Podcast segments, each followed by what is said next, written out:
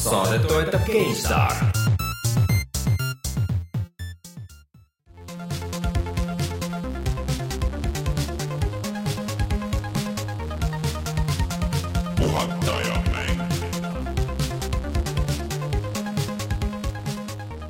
tere tulemast, on reede, kuueteistkümnes juuni ja on aeg puhata ja mängida. minu nimi on Rein Saubel, minuga koos siin stuudios on Martin Mets tere! Ja keda meil täna ei ole, on Rainer Peterson. aga ma olen äh, kõiki viimaseid saateid kuulnud, mind pole nüüd kuu aega näha olnud. kas sa kavatsed nüüd hakata siin pikalt, sul on eraldi paber asjadega, mis on valesti öeldud. ei, ei, ma tean, et kuidas see käib, ma olen nagu saanud sellele valemile pihta. esimene asi on see, et ma äh,, et ma vabandan, et meil ei ole külalist siis ma vabandan, et ei ole Rainerit Äh, siis ma vabandan, et äh, me ei ole jõudnud väga palju asju mängida, et vahepeal oli kiire ja nii edasi ja siis äh, pole nagu väga saanud, aga hullult tahaks ja. meil on hea alati, kui keegi annab sellist tagasisidet, isegi kui see on meie, meie enda pikaajaline töötaja. ja kõige, kõige küünilisem ja kõige kriitilisem inimene siin saates täna, võib-olla, ma ei tea, eks me võistleme no, sellega Martiniga. me hakkame võistlema, jah. aga tõepoolest, mind ei olnud vahepeal siis neli saadet või? Kuu aega. olin ära, tegin äh, elus äh, muudatusi ja tulin äh, töölt ära ja olen nüüd enda teada Eesti ainus mitte mängutootjast virtuaalreaalsuse täiskohaga sisutootja. kes suudab ära elada no täiskohaga tähendabki seda, no, täis... sa võid täiskohaga midagi teha ja olla samas mingi näljas ka täiesti. kuskil rentslis lihtsalt no kui sa ise endale tööd, kui sa ise endale tööd annad, siis sa võid öelda niiviisi, et äh, kurat, ma täna ei tee. ja, ja siis kaks Reinu no. kaklevad. ma olen nii laisk inimene, et kui, kui see ainult minu taga oleks, siis ma ei teekski midagi, siis ma mängiks mänge. aga iseasi on see, kas on midagi nii head mängida, et mitte tööd teha ja ainult mängida. aga sellest me täna räägimegi. ma arvan küll, näiteks äh, kuna E3 oli nüüd ära, kõik need fantastilised pressikonverentsid, ma arvan, et üks asi, mida me teeme, on see kohe, et äh, me ei hakka sellest Eurovisioonist selle ümber rääkima. või on sul tõesti nagu midagi, mis sa tahad nagu selle kogu ei, jama kohta ei, ma mõtlesin, et äh, kui selle, selle kui, kui palagani kohta. kui nüüd nädal aega on käinud äh, maailma kõige suurema arvutimängude või vabandust, videomängude mess või üldse interaktiivse meelelahutuse, elektroonilise interaktiivse meelelahutuse mess, kus on välja kuulutatud nii palju mänge, näidatud nii palju, siis ma tahaks rääkida peamiselt sellest draamast seal ümber ja nagu, et äh, kuidas keegi, kas kellegi hääl värises sel ajal, kui ta seal tegi oma ettekannet või nagu, et sest just see on minu jaoks oluline mitte need mängud seal. ehk siis täna tuleb üliobjektiivne, ülimalt ajakirjanduslik, ülimalt sisutihe saade, kus me räägime kõik need äh, uudised, mida tõesti oli palju äh,, räägime ära ja lisaks, kuna mind vahepeal nii pikalt ei ole olnud, siis ma räägin ka äh, kolmest mängust, mida ma olen mänginud äh,. kaks tükki neist on siis early access'is ja üks neist oli beeta aga sa ütle ära kohe, mis mängud need on ka, et äh, inimestel oleks mida oodata, sest mina, ma mängisin, aga me räägime sellest, mis mina mängisin järgmine kord, kuna ma, ma annan sulle rohelise tule, räägin nendest asjadest, sest mul ükski asi ei, ei ole nii ei põlev okay, nagu ma... punaselt. Äh,. ma mängisin esiteks Quake Championsi beetat äh,, see on siis äh, Bethesda äh, tulistamismäng, äh, mis baseerub väga palju vanal heal Quake'il ja nagu nimi viitab. nagu nimi viitab, aga noh, vaat vahel on see, et see, mis see nimi on, ei pruugi olla täpselt see, mis ta nagu kunagi oli, milliseid mänge meil ka täna on, millest me räägime kindlasti, aga Quake ikka mängib tõesti nagu Quake ja vaata, mina olin jube kriitiline Doomi suhtes. ma ei saa aru, miks, aga ja, ja Quake'i mängides ma sain natuke aru, miks et miks mulle tuum ei meeldinud. et tuum oli ikka aeglane ja no Täpselt, räägime sellest. kaine pehme, no me sellest ta ei olnud pärast aeglane, seal ikka oli rahmeldamist, aga ta ei olnud võib-olla see... nii kiire, ta ei olnud võib-olla nii kiire jah, nagu Quake vanasti oli. aga see Quake oli minu jaoks veidi sihuke tagasi juurde juurde ja ma tahaks sellest natuke rääkida. teine asi, millest ma tahan rääkida, on Oxygen Not Included. mis, tuli siis... vahepeal siis välja äh,? jah äh,, Early Access'is on nüüd väljas kuna ma olen väga suur äh, Don't Starve'i fänn, siis Clay on samade tegijate poolt natukene teistsugune mäng, sellest räägime ka. aga markeerime kohe siia juurde selle asja ka ära, et Clay'l kuulutati ka uus mäng välja, et mitte seda ära, ära unustada mm,, selle nimi oli siis äh, Griftlands Gri-, Gri-, Gritland. Gritland, Griftland vist ikka jah, sul on õigus, Griftlands. aga mis see, said sa aru korra, milles see on, et Clay mängud on selles mõttes ägedad, et need on alati nagu täiesti erinevad, et enne oli, oli Don't Starve, Mark of the Ninja ja mis see oli, Shack, Shank. Shank jah, et kõik täiesti erinevad asjad, pluss see Invisible Ink ja täiesti erinevad äh, žanrid isegi. tead, nad liiga palju ei öelnud seda infot ka, aga mulle tundub, et ta on veidi sihuke mm, äh, vanakooli äh, rollimängude mingite Zeldade võtmed äkki isegi, et, et mm, Zeldas muidugi ei olnud okei okay,, ütleme siis äh, niisuguse nagu avatud maailma ja käigupõhise lahinguga rollimäng, kus Mul- sa vestled erinevate tegelastega, võtad neid omale gruppi kaasa, läbid erinevaid ülesandeid ja asju ja mulle tundus, see nagu on mingi selline vanakooli rollikas, mis on seotud umbes sellise uh, Gods, Gods will be watching'u sellise äh, majandamisega, kuidas sa pead seal te tegelasi üle trumpama niiviisi rää- rääkimise teel ja, ja see, sellist kuidagi sellist ma arvan, et nii tiibiks ta ei lähe, aga et pigem see on rohkem niisugune nagu rändamine ja seiklemine, aga aga küll, aga ma, mida ma jubedasti kardan, on see, et ta on niisugune nagu etteantud lineaarne lugu. sest et äh, Clay mängud on nagu nii poleeritud minu meelest, et äh, mulle ei istu need nende nagu looga asjad nagu lineaarsed asjad, näiteks noh, Mark of the Ninjat ma vahepeal väga üritasin mängida, aga nagu see ei köitnud mind absoluutselt, et ta on, et ta on nagu väga hästi tehtud, aga ta on nagu liiga niisugune konkreetne. et äh, mulle meeldivad just siis nagu Don't Starve, kus on, mis on iga kord teistmoodi ja ja Oxygen Not Included, kus sa ka täpselt ei tea, mida oodata, aga no sellest räägime hiljem pikemalt. jah, ma pean ütlema ka, et ma nagu, mind ära veel ei ostetud selle mänguga, et ma jään ootama. see Gritlands, see võib olla väga huvitav, aga järgmise aasta alguses, järgmise aasta alguses tuleb. ja kolmas asi on siis, mida ma mängisin, on striimerite lemmik ehk siis Player Unknown's Battlegrounds. Vau, millal striimid? mitte kunagi, aga võib-olla kunagi teeme sellest video, kui see natuke rohkem poleeritud on, aga tegu on siis sihuke battle royale'i tüüpi mänguga, kus sada mängijat pannakse ühele saarele ja ainult üks jääb ellu. ma saan aru, et interneti jaoks on see tõesti poleeritud juba, arvestades selle müügiedu ja See on väga edukas, selle aga- populaarsust. aga natukene, natukene veel räpane nurkadest no siis pärast tutvustan mind nende räpaste nurkadega. Aga äh, käime korra ära ja siis, kui tagasi tuleme, siis äh, tutvustame teile kogu maailma suurima mängumessi uudiseid.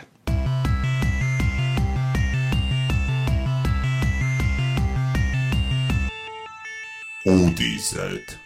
Martin, mis olid sinu jaoks kõige suuremad, tohutud, ägedad, südant põksuma panevad kolm üllatust E3-lt kaks tuhat seitseteist? No üllatus üks on võib-olla see, et äh, Sony ei näidanud ühte mängu, millega neil peaks olema päris hea diil. ehk äh, Sony ei näidanud Red Dead Redemption kahte. Mm, ma oleks äh, pakkunud, et sa mõtled Last of Us kahte. ma, ei ma tegelikult kuidagi arvasin, et see on üsna tõenäoline, et Last of Us kahte ei näidata, sellepärast et nad tutvustasid seda eelmisel aastal sellel PlayStation Experience'il detsembris ja ja ma nagu arvasin, et kuna seal öeldi ka, et mis on meil üsna kaugel veel see mäng ja et sellega läheb aega, ma arvasin, et on võimalik, et nad pärast seda siin ei näita mm. -hmm. et pidasin seda nagu üsna tõenäoliseks. aga Red Dead ikkagi, jah, see ei tule enam see aasta välja, aga ikkagi nagu oleks olnud aeg, et nad näitavad ja Sonyl peaks olema Rockstariga diil selle mängu suhtes, nii et äh, mis see deal tähendab, et tuleb viis päeva varem välja ja mm. DLC, mitmikmängu DLC tuleb ja kolm päeva varem või kuu aega või need, need, mida need diilid iganes. jätavad mind üldiselt väga külmaks, aga noh, promo mõttes oleks võinud midagi oodata ja üldse tundus, et Sony natukene võib-olla Nad ei pidanud liiga palju pingutama, vaata, nad on juba nii selged võitjad, see konsooli põlvkond, et äh, lasid nagu teistel rohkem rabeleda või? see on nagu võib-olla, kui me juba siin oleme, siis et äh, mida ma kuskil juba võrdlesin ka, et et kui see oleks nagu äh, Microsofti ja Sony tippkohtumine on ju selle oleks äh, nagu võrdlus tuua, et Venemaa ja USA tippkohtumine mm, -hmm. siis äh, Microsoft saatis enda poolt kohale on ju Trumpi, et näed, meil on siin Trump ja istume ehk Xbox One X ja istume nüüd laua taha ja räägime läbi, kuidas need asjad nüüd on siin, need jõujooned konsoolimaailmas mm. -hmm. ja siis Sony saatis nagu et lihtsalt seda Trumpi alandada, siis ta saadab nagu enda asevälisministri asetäitja saadab sinna vastu sinna kohtumisele mingi suvaline paneel oli seal sellel äh, pressikonverentsil põhimõtteliselt mm. ja viskasid lihtsalt neid mänge, mis neil niigi väljas on, mida on, mis on nagu teada ja siis natuke uusi treilereid ja väljatuleku kuupäevu, väljatuleku aknaid, on ju, mhm. ja paar uut asja ka ja ongi kõik, on ju mm.. mulle tundus nagu see oli Sony poolt mingi selline, selline veider statement kuidagi, et ah, me oleme nagu paremad nagu anyway või mm., või mulle meeldib nii mõelda, selles mõttes, et võib-olla ongi selles mõttes, mulle tegelikult oleks meeldinud, kui Sony oleks näidanud veel rohkem uusi asju, veel paremaid asju ja nii edasi, on ju. Mhm. aga selles mõttes ma pean tunnistama, et äh, ma ei vaadanud Sony pressikat otse ja ma nagu pole viitsinud samas vaadata kõiki neid treilereid nendest samadest välja kuulutatud mängudest, ma isegi ei ole vaadanud seda God of War'i treilerit veel näiteks, on ju, mhm. sest A, ma tean, et ma mängin seda, kui see välja tuleb niikuinii ja, ja B, ma arvan, et see on enam-vähem sama ja mul pole vaja nagu äh, veel rohkem haipi nagu endale sisse saada. sa oled juba nii haibitud või? ei, ma ei ole nii haibitud ka, aga ma olen nagu niiviisi, et ma olen huvitatud, ma mängin niikuinii, mind ei ole vaja rohkem haipida, vaata mm.. et selles mõttes treilerit pigem tasub vaadata nende mängude osas, mis, mis, on nagu kahe vahel. jah, täpselt, et, et see on, et Sony ilmselgelt, mul on tunne, et neil see PlayStation Experience, kus nad eelmisel detsembris just paugutasid väga kõvasti mm. -hmm. et eh, see on nende jaoks olulisem üritus, nad andsid teada, mis mul oli veel hea meel, oli see, et nad ei kuulutanud välja seda uut Playstationit, ükskõik mm -hmm. mis see on, eriti hea meel oli mul pärast seda, kui see Xbox välja kuulutati, uus Xbox, et eh, siis pärast seda oli nagu võttes selge, et eh, see lihtsalt ei ole mõtet. et mm -hmm. las siis olla Microsoftil nagu võimsam konsool, las siis olla, okei okay,, Sony, Sonyl on vist selline asi, et kellelgi teisel on võimsam konsool, vaata neil on seda väga raske alla neelata, et see on nagu no mingi füüsikaseaduste vastu või midagi taolist, on ju,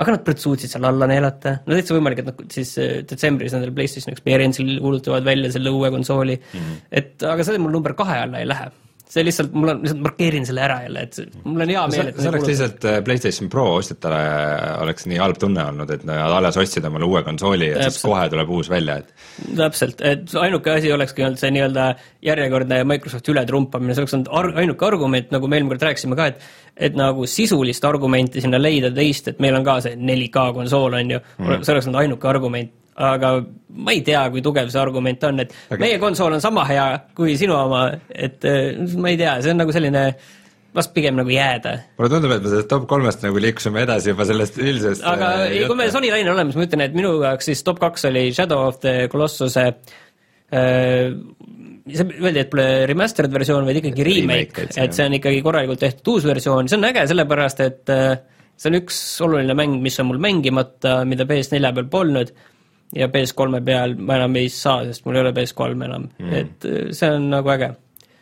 ja, ja number kolm? number kolm on see, et äh, Age of Empires äh, esimene remasterdatud Age of Empires, sellega on ikka mälestused ja see nägi hea välja ja see tundus nagu äh, tundus nagu huvitav. ei tea, mulle tundub, et seda Age of Empires ühe udarat on äh, Microsoft juba nii usinasti lüpsnud, et küll on need HD remake'id ja mingid see oli kahest ju, see oli kahest ju, Age of Empires kahest oli see, ühest pole kunagi tehtud.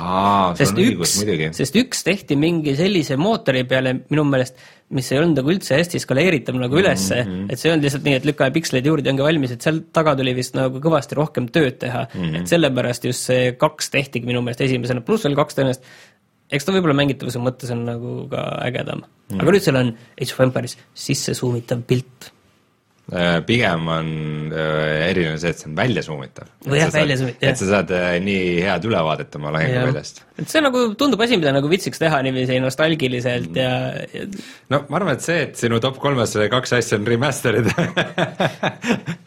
on, on juba näitab midagi. ja, ja esimene oli see, et millegi kohta ei räägitud. aga ma ei tea, minu top kolmes äh, Elder Scrolls VR äh,, kuigi set on praegu PSVR-i eksklusiiv äh,. see on ikka, see nägi ikka päris halb välja, see on ikka PlayStation no, kahe. see on, ta on nagu selles mõttes PlayStation äh, VR-i nagu selline äh, tüüpiline asi, et jah, et see nagu töötab siin, see nagu on olemas, aga kui hästi see töötab, ma ei tea, kas sa said üldse aru, kas sul peab see on see nagu tasuta uuendus või tuleb midagi maksta selle eest? ei, ma arvan, et PSVR-i oma tuleb ikka täitsa eraldi osta, võimalik, et mitte täishinna mänguga, aga aga pigem, pigem jah, et ostad. okei okay,, võib-olla mingi kümne või kahekümne eurone upgrade. kolmkümmend, nelikümmend. Martin, põhimõtteliselt nad ehitasid kogu mängu uuesti ülesse kurat, nad oleks võinud mingi uue mängu selle asemel teha, mitte ma ei tea, kui nad, kui nad kuulutasid välja, mis selle, mis selle äh, mis selle hind oli, siis mul jäi see kahe silma vahele, aga no see oli lihtsalt äh, miski, mida keegi ei oodanud. aga sellest on nagu omamoodi miim saanud, et äh, Skyrim tuleb nagu kõige peale välja, et äh, kui, kuna tulevikus iga aasta hakkabki E3-del lihtsalt äh, uutele platvormidele Bethesda oma seda äh, Skyrimi välja kuulutama. et Switch'ile tuli siis Switch'ile ka... tuleb, kuigi noh, Switch'iga oli neil nagu oma, oma suhe, et see oli juba seal äh, selle esimeses treileris ja millalegi tuli veel Ähm, mingisse nende kaardi, kaardimängu tuleb mingid Skyrimi asjad ja nii edasi, ühesõnaga Skyrimit peab, ükskõik mis asi sul on, kas Skyrimit, Skyrimit sa pead selle peal mängida saama. tahad, ma ütlen sulle ühe asja veel selle Age of Empires'i kohta, sinna nii. tuleb selline asi, kui sa üldse mäletad veel, Rise of Rome lisapakk oli sellel olemas, see tuleb ka sinna kaasa. ma ainult sellega mängisingi. mitmikmängu muidugi. ei, ma mitmikmängu mängisin vähe, aga, aga, aga seda üksikmängu ka. aga number kaks, number kaks äh, võib-olla see, et äh, Call of Duty World War Two selle põhjal, mis näidati, näeb ikka väga äge välja nagu. ma ikka kuidagi suudan iga aasta selle, äh, selle e Call of Duty äh, aibimasinaga nagu veidi kaasa minna, et ta oli niisugune ilus, sujuv, värvigamma, kõik ilus, kuigi ta oli vaat see vastik, et nagu need kõik need checkbox'id seal, mingid Normandia dessant ja kuradi Berliini langemine ja Stalingrad ja need tundusid kõik nagu sees olevat, et see nagu kas sa Call of Duty ühte või kahte ei taha uuesti teha või? mulle World at War kusjuures ei meeldinud üldse näiteks. aa, World at War oli Stalingradis on ju. jah, et, äh, et no ta võib niisugune tavaline tulla, aga see mitmikmäng võib jälle jumala äge olla, nii et ma ei tea. kurat, mina selles mõttes, kui ma tahaks nagu mängu Stalingradist, siis ma tahaks ikka seda nälga. See on ikka survival mäng. see, vot ma just, ma just tahaksingi seda, tõeliselt seda tunda nüüd, sa peaksid mängima natside poolel, muidu on igav põhimõtteliselt. Mm.. selles mõttes, et muidu, kui sa oled venelaste poolel, siis sul on see, see üks see kõrgendik, mida sa hoiad, on ju, ja see oleks nagu igav, on ju. Mm., aga tõesti see, kui sa aina rohkem, su kott su ümber kinni tõmbub ja ja siis äh, süüa enam ei ole, igaühel on tükk leiba päevas ja sa pead tõesti neid ressursse vaatama sul on külm miinus kakskümmend kraadi, on ju, sul põhimõtteliselt ei ole kuskil kaevikut kaevata, sa pead nagu vaeva nägema, et seda teha, on ju, pluss sa oled kogu aeg nagu ringis ja siis venelased noh, ammu võiksid selle koti nagu kinni tõmmata, kõik ära, ära tappa, on ju, aga lihtsalt nüüd sel hetkel nad juba hoidsid seda, et meil pole vaja nagu nii palju ressursse selle peale kulutada, siis nad siis vaikselt võtsid edasi, hästi väikeste juppide kaupa niiviisi, mida see kott on ju kokku tõmbas. Mm.. nüüd sellest nagu tõesti nagu sellises väga karmides mustades toonides selline survival teha, see oleks nagu äge algab nagu Lõpus nagu shooter, algab nagu shooter ja lõpuks on mingi täielik survival. ja põhimõtteliselt roomad, roomad lõpuks selle viimase, selle mingi suvalise selle lennurajani, kus äh, kuradi ma see viimased lennukid lähevad ja sa näed juba, et see, et Vene väed juba on lennu, lennuvälja teises otsas ja siis roomad mm. seal ja, ja siis mustvalgest läheb ka lõpuks. jah, ja siis sa ei jõua sinna lennukile. sest mingi teine tüüp jõuab ise ja lööb ukse kinni ja ma arvan, et äh, Acti, Activision praegu kuulas seda tõlgi abiga ja Google Translate'i abiga kirjutasid selle kõik ülesse ja, ja jah. Sinna see läks, aga kolmas üllatus või noh, kolmas asi, mis minu jaoks paistis silma, oli siis äh, Metro. Äh, Exodus oli selle nimi vist jah. Mhm. -huh. et äh, Metro sari äh, mitte siis me-, Metroid, vaid Metro on Metroid. Prime neli kuulutati välja ka Switch'ile, aga sellest näidati ainult logo ja inimestele väga meeldis see logo. aga Metro Exodus on siis äh, ütleme, Metro sari võib öelda, et ta on nagu edasiarendus Stalkeri sarjast, kuigi minu, mulle pole kunagi äh, Metro sari nii väga meeldinud, sest minu meelest on nagu natukene äh, rohkem tagasiarendus kui edasiarendus, et kui, kui Stalker oli niisuguse nagu avatud maailmaga ja seal oli väga palju nagu erinevaid mehaanikaid ja elemente, siis siis Metro oli ikkagi nagu üsna niisugune, mitte üsna, vaid nagu väga lineaarne shooter. ja see lineaarsus oli põhjendatud sellega, et see on nagu postapokalüptilises maailmas, et sa oled seal Moskva nendes metrootunnelites ja siis sa liigudki ainult mööda neid nagu igale poole, et aga tead, sellist, sellistes mängudes mulle see lineaarsus nagu ei istu väga ja kui nüüd tuli välja kuulutati Metro Exodus, mis peaks olema nagu avatud maailmaga metromäng, siis see tundub minu jaoks veidike põnev. aga kas see avatud maailma metromängu nimi mitte ei olnud see Stalker? Äh, nad on ikkagi noh, nad on ikkagi erimängud, et, et veidi erinevad universumid, kuigi see, kuigi see tunne on sarnane. et äh, Stalker ju toimus äh, Tšernobõlis. Teatavasti, ehk siis selle lähiümbruses ja meetro toimub Moskva all, et ähm, eks need mängudel on ka ikkagi veidikene nagu erinev tunne, aga vot sellega, sellega, see avatud maailm peab olema ka just selline niisugune vaenulik maailm, vaata kus mm. nagu igal, iga nurga taga varitseb mingi oht ja midagi võib nagu halvasti juhtuda, et see ei ole selline, et niisugune nagu Ubisofti, et lähen ja ja võtan kõik need vilkuvad punktid nagu kaardi peal. et see peaks olema just see nagu Zelda valem, millest Rainer on rääkinud, kus sul ongi selline, võtad kaardi kätte ja kompassi ja e,. mitte ka päris seda, vaat ma arvan, et hea survival mäng on see, et sa ei lahenda probleeme et äh, ainuke probleem on elus püsida. ja täpselt, et, et sa, kui sul on mingisugune soo, kus on mingite kuradi kollide pesa, siis see ei ole lihtsalt nii, et nii, ma tapan nüüd need viis kolli ära, nüüd see pesa on puhas, sellega on korras. vaid pigem, et see pesa jääb sinna igaveseks alla, et lihtsalt sul on vaja midagi sealt kätte saada ja, ja jälle jalga lasta, et nagu, et nagu vaenulikud territooriumid jäävad nagu vaenulikuks, et äh, Ja, ma arvan, et see on niisuguse hea survival mängu nagu äh, alus.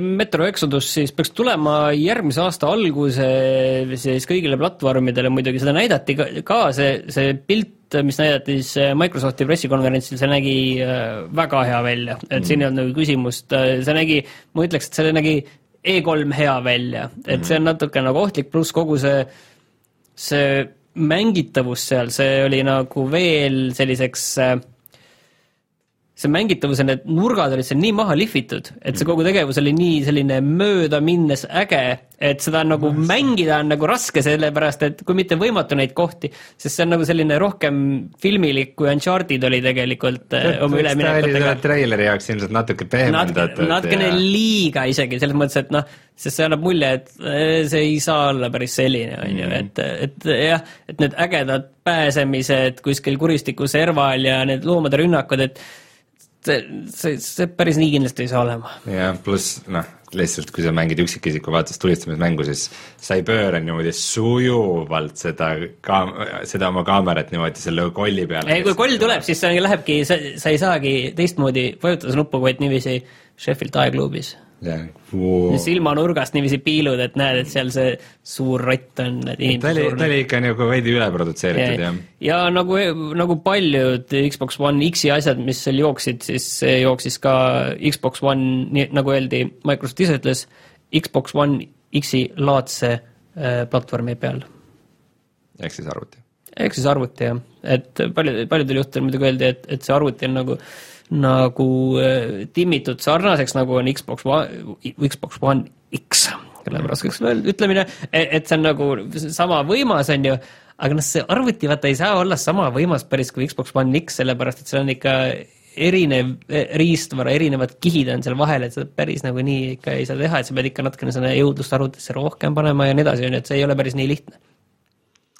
aga nüüd, kui me oleme oma lemmikasjad ära maininud, siis me lähmegi me räägimegi kõigest ja sa tegid meile Facebooki lehele väikse ennustusvõistluse, et äh, mitu uut konsooli kuulutatakse välja E3-l, mitu siis? no Xbox One X tuli, võime, võime öelda, et seal näidati ka, või näidati seda Computexil, näidati seda HTC äh, Vive'i seda, seda juhtmevaba versiooni, mis äh, Intel teeb äh,. nüüd sa juba haarad õlekõrtist okei, et äh, tuli no, vähe. välja ei kuulutatud, sest et tegelikult see, see oli ikkagi ju Scorpio, mis kuulutati aasta tagasi e,. no ütleme niiviisi, et siis kuulutati välja. et see Xbox One X on see. no tegelikult Xbox One X ikka ametlikult kuulutati välja, see enne kuulutati välja see Xbox One X-i eh, visioon kuulutati ikka aasta tagasi välja, et see mitte konkreetset asja, aga okei okay,, ja ja, arvestades, et ta on ikkagi nagu sama konsooli generatsiooni nagu sees, et ta ei ole täiesti nagu järgmine Xbox, Äh, siis ja et ta oli ju eelmine aasta kulutus, ma ütleks, et null koma kakskümmend viis uut konsooli kulutati välja. no jah, okei okay., eks sul on põhimõtteliselt õigus, aga, aga siis see tuleb välja selle aasta novembris mm, -hmm. oli seitsmes. mul nagu on peas seitsmes okay.. ja maksab äh, nagu oodati nelisada üheksakümmend üheksa eurot äh, või, või siis nelisada üheksakümmend üheksa dollarit, on ju mm. palju PlayStation neli Pro ametlik hind on, nelisada? äh,? täpselt nelisada on praegu Euronixis, ma vaatasin, oli kolm üheksa üheksa, et siin on saja eurone vahe mm. kõva kätas on sellel Xbox One X-il siis ka terabaidine ja seal on samamoodi see 4K UHD Blu-ray drive sees ja siis kogu see vägev graafika värgendus, mis siis lubab põhimõtteliselt, noh, see on nagu veel natukene kõik segane, kui 4K see nüüd on. kindel on see, et see paljudes mängudes saab olema päris 4K ja kuuskümmend kaadrit sekundis hmm.. aga kas nüüd nendes kõigis, et eh, see on nagu küsimus, sellepärast et seal E3-l väga vähesed mängud, nagu ütlesin juba, jooksid päriselt selle Xbox One X-i peal mm. -hmm. et seal olid sellised mängud jah, nagu see Forsa Motorsport seitse, mis on jõhkralt ära timmitud, millel on kaua aega olnud timmida seda selle äh, Xbox One X-i jaoks spetsiaalselt nagu optimeerida, et see jookseb jah, kindlalt ka samamoodi äh, 4K-s kuuskümmend kaadrit sekundis mm, -hmm. aga täpselt samamoodi saab muide jooksma konkurent, kes tuleb sügisel välja, Grand Turismo Sport, mis tul-, mille kohta nüüd öeldi, et see tuleb sügisel, ma tegelikult arvasin, et tuleb juba suvel, aga see on samamoodi 4K kuuskümmend kaadrit sekundis. et selle PS4 Pro peal hmm.. et jah, Pro on kindlasti oluliselt nõrgem. aga see Xbox One X, et seda saab veel näha, et kui 4K ta päriselt on. ja kokkuvõttes mulle tundub, ma ei tea, mulle tundub, et see jaht selle 4K peale, et kas ta on seal natukene üle eskaleeritud, natuke mitte, see konsoolimängude puhul, see ei ole nagu nii, nii, nii oluline ei ole mm. -hmm. sellepärast, et paljudel pole 4K telekaidki.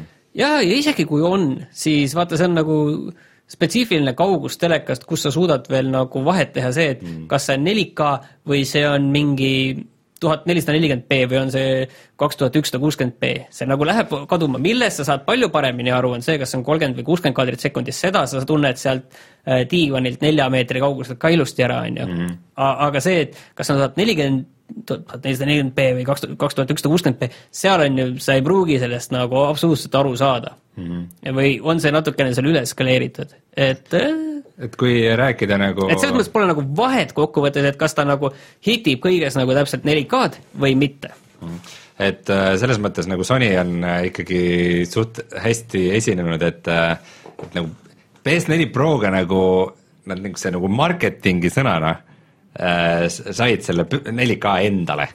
Et äh, kui nüüd tuleb Microsoft ütleb, nii, meil tuleb äh, meil tuleb nagu nüüd ka konsool, mis oskab 4K-d teha ja ta teeb seda veel paremini nagu, siis see ikkagi kõlab nagu, et meiega, meiega, meil tuli ka nüüd hiljem, aasta aega hiljem tuleb meil ka, et äh, selles mõttes jah, äh, see nagu ei, ei tundu enam nii šokeeriv, äh, kuigi see võimsuse vahe on ikkagi vist päris oluline jah, ja selles mõttes arvestades, kui väike see Xbox One X on, et ta on kindlasti nagu tehnoloogiliselt väga muljetavaldav karp. ma ei oska nagu absoluutselt öelda, on ta ilus või mitte, pole nagu väga oluline ka mm., et võib-olla on, võib-olla mitte, on ju.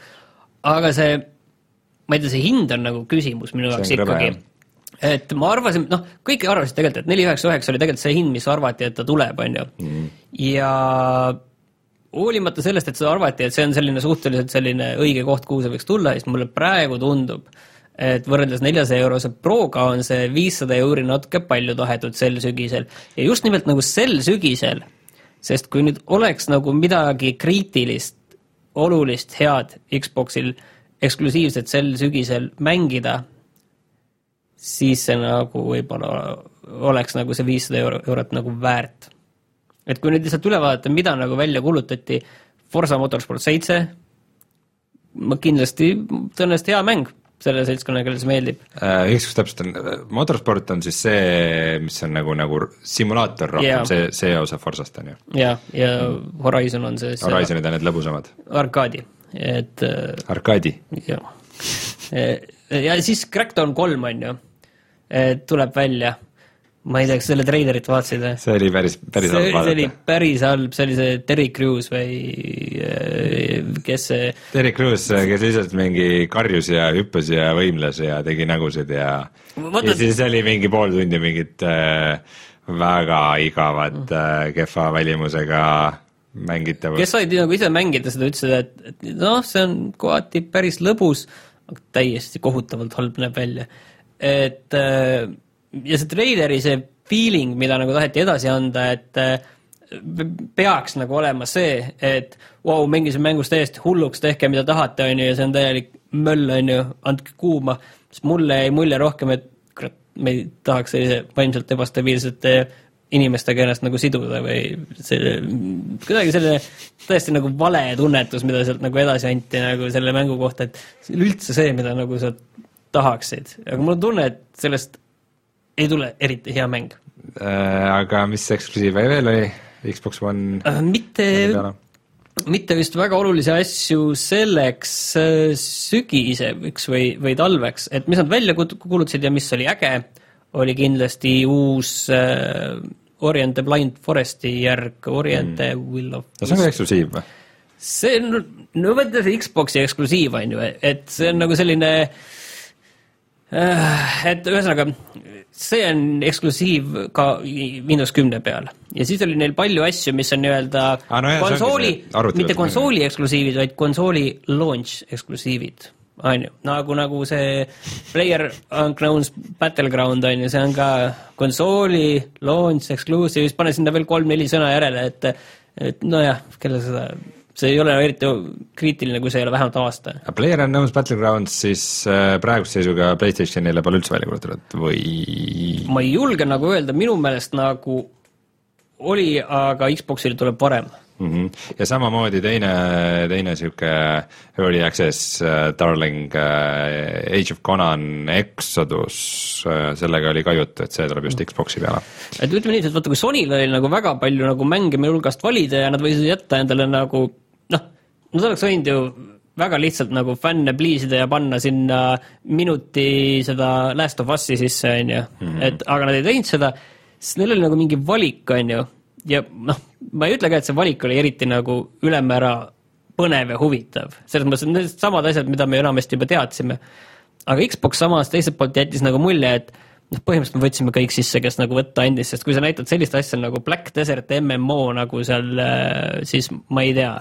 Sellel kindlasti nagu on, ma teen võib-olla kellelegi liiga, ma tean, et Eestis ka seda mängitakse, on ju, aga no ma ei, Lucky's Tale kaks, Super Lucky's Tale, vaata, see oli üks asi, mis mulle jäi sihuke täiesti juhtme kokku, et äh, Lucky's Tale on äh, on siis üks platvormer, mis oli Oculus Riftil äh,, mis teatavasti töötab ainult arvutiga, oli isegi nagu tasuta kaasas äh, virtuaalreaalsusmäng. Ja nüüd, kui selle tuleb järg, mis ei ole enam virtuaalreaalsus, vaid nagu 2D ekraanil.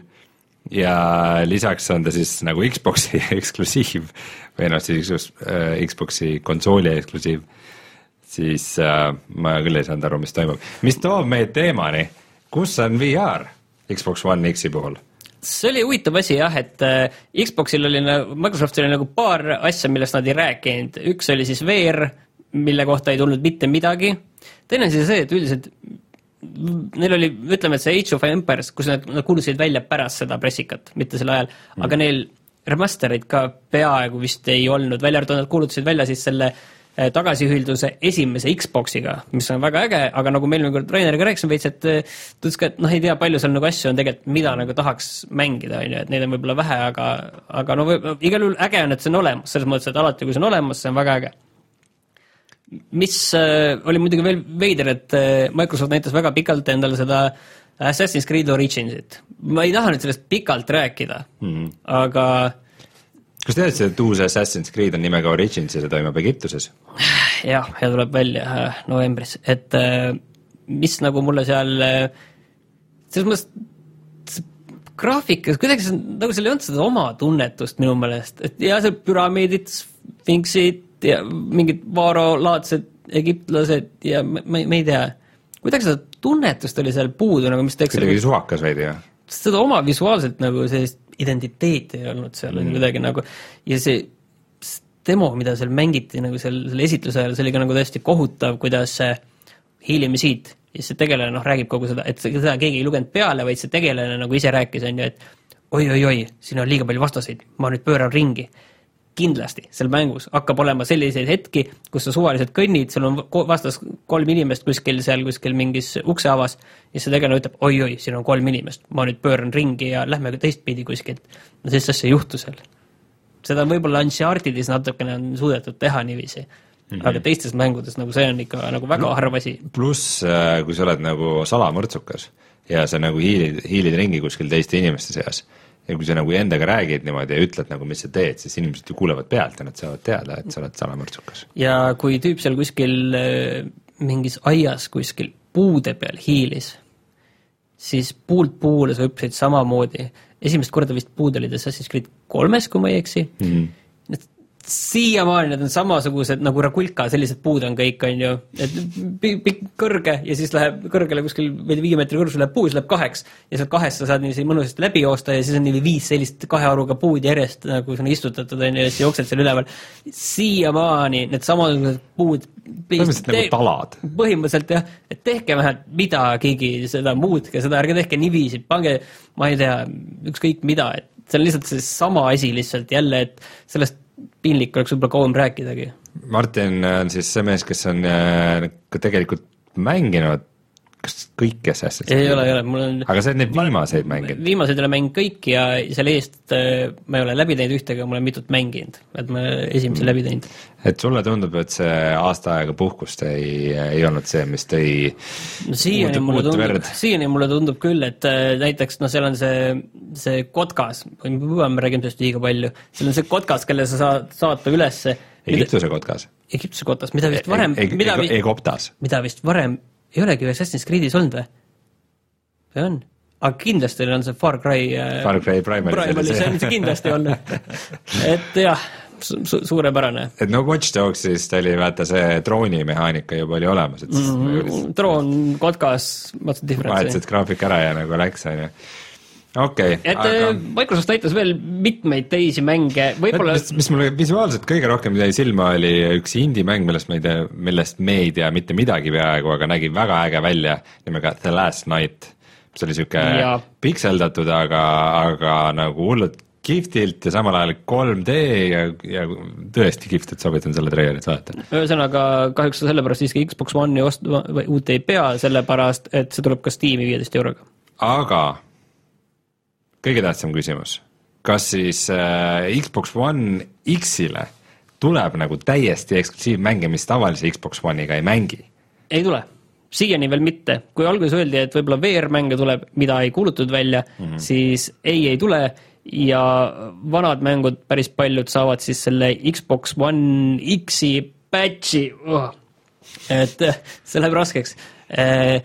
Kõik siis samamoodi ei saa, on ju, et kuulutati välja, kusjuures see Phil Spencer, Spencer ütles lavalt nagu seda väga kahtlaselt, et eh, loetles üles neli või viis praegust mängu, mis saavad selle patch'i, on ju ja siis ta ütles, et need mängud saavad selle patch'i tasuta, kõik. lihtsalt mul tekib küsimus, kui sa ütled, et need saavad selle tasuta, kas siis on mingid mängud, mis ei saa seda tasuta? Ma, ma ei tahaks nagu ma arvan, uskuda et, see oli täpsustus, ma loodan, et ma, ma võib-olla see on ka, et nad tahtsid lihtsalt mainida seda, mitte et hakkab juhtuma nii, et seda tegelikult Sony puhul selle PS4-ga alg-, PS4 Proga alguses ka korra räägiti, et äkki see on nii, et viska viiekese, saad Pro peal parema pildi või selle pildi mm, -hmm. sul oli raha ju nii palju küll, et endale see Pro osta, mis nüüd pole raha, et viiekat visata, et mängu eest paremat pilti saada. tekstuurid maksavad raha. ei, absoluutselt, et äh, seda ei saa nagu, see ei saa nagu välistada, aga mõistus ütleb, et see ikkagi ei saa nii päris olla Mhm. ja võib-olla üks isegi natuke võib-olla laiem asi, mis veel Microsoftilt välja tuli, et neil on nüüd see Mixer, mis on siis striimimisteenus. Microsofti mikser. jah, mis enne oli Beam, on ju, ja see on üks uus tre-, piim, piim pandi mikrisse või? pane piim ja mõned puuviljad ja veidi jäätist ja sa oledki jäätise ära kokteili. Microsofti milkshake. jah, ühesõnaga normaalseks tagasi siis, et, et äh, see Mixerisse tuleb selline, palun, Martin, räägi meile veel sellest mikserist. ühesõnaga sellesse Microsofti striimingu teenusesse tuleb siis sarnane asi, mida Deltail tegi enda äh, Batmani ikka ja ma ei mäleta, kas nad tegid seda Walking Deadiga mitte, igal, see on see crowd play, et inimesed saavad nagu näiteks mingid sõbrad või, või siis ka avalikult, kui sa striimid, siis mm -hmm. Inimesed saavad teha mingeid valikuid ja hääletada mingites olukordades. et näiteks ongi noh, Telltale'is, et Batman, mida nüüd Batman teeb, kas ta läheb paremale või vasakule, et juhtuks sama asi. Mm.. et äh, samasugused asjad tulevad äh, päris mitmes äh, Xbox One'i mängu ka. Ja et näidata, et see on nagu laiem trend praegu, selline vaikselt kasvav trend, siis Sony kuulutas välja sellise asja nagu Playlink, mis on siis selline telefonirakendus ja selle suurimaks näiteks vist oli Hidden Agenda moodi selline detektiivi mõrva müsteerium, mis on nagu ka valikutega, aga sul võid kuni viis mängijat võtta teleka ette ja siis te kõik teete mingeid valikuid ja see oluline üksteist üle kavaldada, näiteks tõenäoliselt ma ei saanud täpselt aru, aga mul jäi mulje, et üks nendest mängijatest on näiteks see mõrvar, on ju, ja ülejäänud neli peavad seda lahendama, aga keegi ei tea, kes on see mõrvar neist, on ju, ja siis üks peab teistele väiked kodaratesse tõenäoliselt viskama niiviisi, et ise päris sellega nagu vahele ei jääks samas. Mm, -hmm. et sellised natuke teistmoodi sotsiaalsed mängud äh, tundub nagu huvitav, et nagu näha, kuhu see läheb. arvan, et Eri... mingi sabotöör on vot see lauamäng ja siis äh, siis üks lauamäng või asi või kaardimäng on veel Wolverine? Äkki või midagi sellist või, või või Werewolf pigem siis jah, Werewolf äkki jah, ja mis, millest on vist Oculus'e peal mingi versioon isegi. et see nagu tundub nagu huvitav, et see võib nagu töötada ja see olla nagu mõnes mõttes nagu selline mäng, mis nagu äh, toimib ka võib-olla nende peal, kes muidu võib-olla vaata nii palju ei mängi, et oi, ma ei pea selle puldiga siin äh, klõbistama ja mingeid kiireid liigutusi tegema, mul jääb mulje, et ma ei oska seda ja nii edasi, on ju, aga ongi enam-vähem niiviisi, et võtad, ma ei tea, vanaema mängu ja siis vajutad seal klõks-klõks-klõks ja, ja ta oskab vanaemas nutitelefoni asju öelda mm. et sellega nagu, ma arvan, et see nagu huvitab, see võib tõesti läbi kukkuda mm. -hmm. et see võib olla niiviisi, et natukene aega on seal tugi taga ja ongi kõik mm, -hmm. aga, aga tundub nagu selline uus laine sellisel sotsiaalsusel natuke teistmoodi. seda saab kindlasti kuidagi ka rahaks teha väga vingelt, et äh, et kui sa striimid, siis, et mis, mis sa tahad, et ma nüüd edasi teeks? et kui sa tahad, et ma sellele tüübile ütlen jah, okei okay,, siis saada SMS äh, ei, ei, numbriga üks, kui sa ei, tahad, on... et ma talle löön panniga vastu pead, siis saada numbriga kaks. ei, see ongi põhimõtteliselt nagu see noh, Falloutis on mingid äh, need yes, no, jah, dialoogi valikud ja siis mõni dialoogi valik on sul nagu kinni pandud, sest sul pole seda skill'i, on ju mm., mingi, mingit charm'i või ükskõik, mis seal on, on ju. aga siis on, et osta endale nüüd charm siin väikse mm -hmm. mikromaksega, üks, üks väike klõps ainult, et ongi või, või pigem võiks olla, et vähemalt viis inimest peavad olema selle poolt hääletanud, et sa saaks seda valikut teha.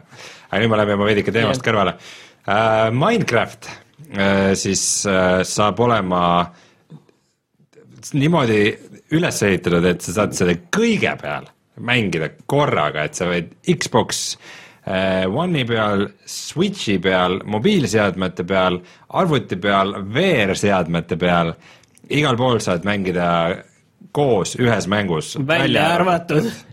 välja arvatud Sony Sony ei olnud nõus teistega koos mängima, et sama teema oli ka sellega, et äh, Switch'ile kuulutati välja Rocket League ja Rocket League on samamoodi siis koos mängitav Nintendo Switch'i, Xbox One, X-i ja arvuti peal mm, -hmm. aga, aga PlayStation neljal on siis koos mängitav ainult arvuti peal.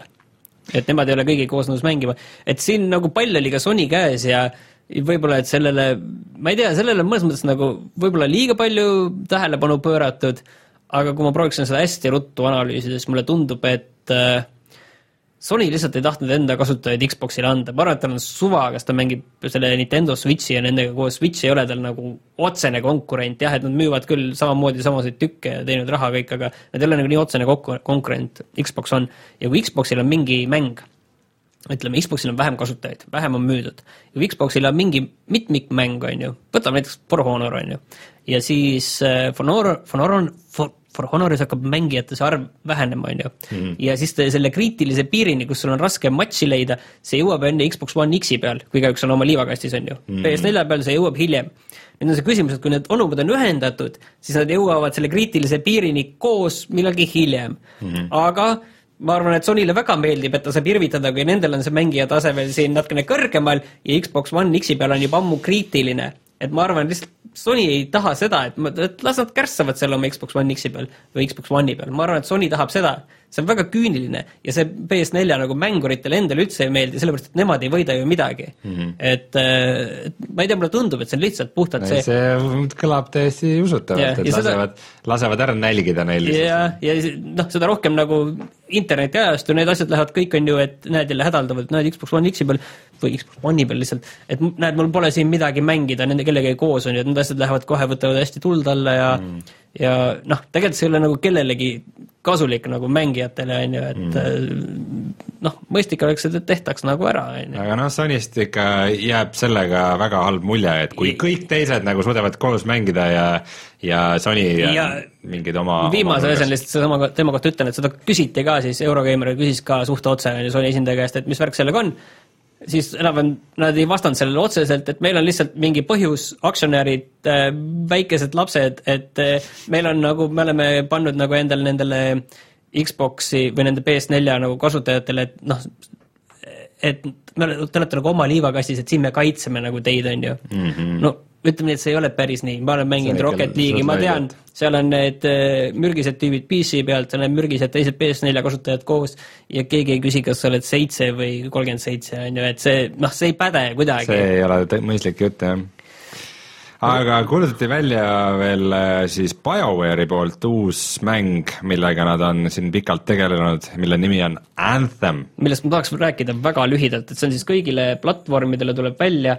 see näeb välja nagu, see, tähendab, see ei näe välja, ta nägi väga hea välja, suurepärane, absoluutselt suurepärane, aga see tundub nagu see oleks segu Destinist ja millestki täiesti geneeriliselt, ehk siis see on selline kolmanda isiku vaates jagatud maailma shared world äh, märulimäng, kus sa võid siis teha enda mingi tiimi, võid olla üksinda mängida mingite vastate, vastaste vastu, seal kohe alguses nad suutsid selle kõik ära rikkuda, sest äh, seal on sellised eksoskeletid seljas nendel tegelastel. no põhimõtteliselt on robotite sees. ja, ja siis Titanfall, Titanfall väikeste titanitega mm., et äh, kus mingi masina pealt tulid välja mingid vastased, on ju, kus nad piilusid neid, ahah, sealt nad tulevad, oo oh,, nad on kaasa võtnud ka heavy.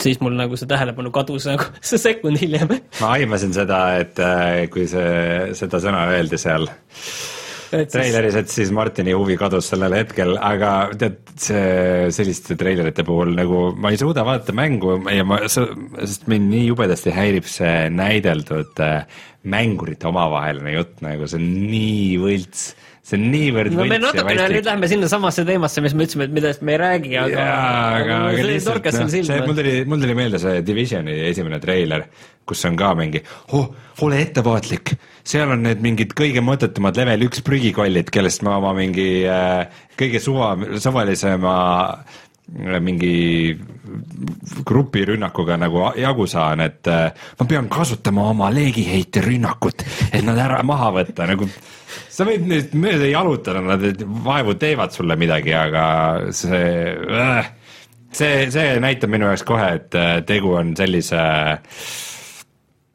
mõttetu kõigile mõeldud mänguga, mille sees ei ole mingit mängitavust, mis ja, on niisugune tuulelipp, mis üritab äh, kõik populaarsed asjad võtta ja kokku panna ja ja seda enam, et seda teeb BioWare, kes muidu teeb ju sügavaid rollimänge, aga see näeb välja no seal on mingid rollikalikud elemendid vist ka ja ta on põhimõtteliselt Destiny või Division.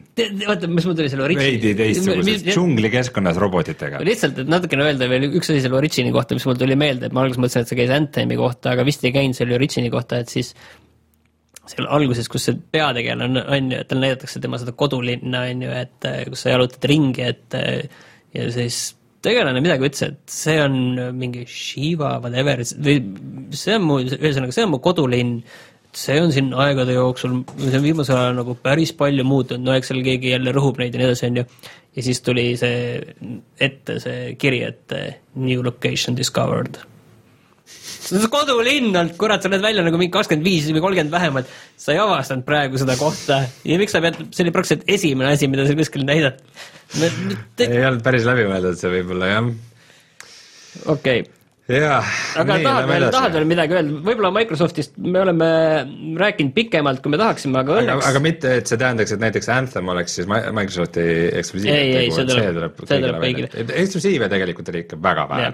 aga Sonyst, et äh, kui me nüüd prooviksime Sony puhul hoida asja uudiste tasandil mm, -hmm siis ega nagu väga palju meil rääkida ei ole, sellepärast et uudiseid, asju, mida varem ei olnud teada, noh, pole mõtet rääkida Unchartedist või isegi võib-olla Undertale'ist, et see tuleb PS4-le, et need on nagu asjad, mis noh, okei kõik on tehtud. et mida me ennustasime eelmine kord, aa, asi mul on ära teadma. Rein, kes ütles äh, aasta alguses, et Xbox One X-i nimi on Xbox One X? ma ei tea, Martin Mets, võib-olla see olid sina, Martin Mets. aitäh, ma lihtsalt tahtsin selle ka kirja ei, panna. ei, see väga hea. see oli hea pakkumine. Aga muidugi sellega tulid ka mingid naljad juba, et oota, kuidas sa lähed poodi, et äh, palun one. mulle One Xbox, One Xbox. jah, ja kui tahad Xbox One X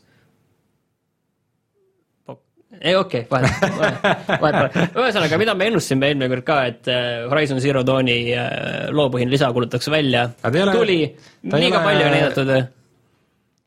Ta ei ole ikka nagu expansion lisapakk, ta on ikkagi nagu DLC lisapakk või kas tänapäeval on üldse vahet? ta peaks olema uus asukoht selles mõttes, et, et ta on nagu noh, mingi lisa, ühesõnaga loopõhine lisa on tänapäeval mm. juba selles mõttes kõva sõna, et muidu on mingi kosmeetiline jurr või uued missioonid, aga, aga see on nagu äge Shadow of the Colossuse lisapakki ma juba ütlesin, mis mind nagu Shadow of the Colossuse lisapakk või? Shadow of the Colossuse remake, aga mis mulle ei meeldinud, oli see, et et nad päris vähe kuulutasid välja nagu neid kuupäevi enda mängudele. tegelikult isegi väga vähe, isegi Grand Turismo sport suudeti on ju öelda, et aasta lõpp mm. -hmm. Detroit Become Human, mis siiani peaks tulema sel aastal välja, väga huvitav.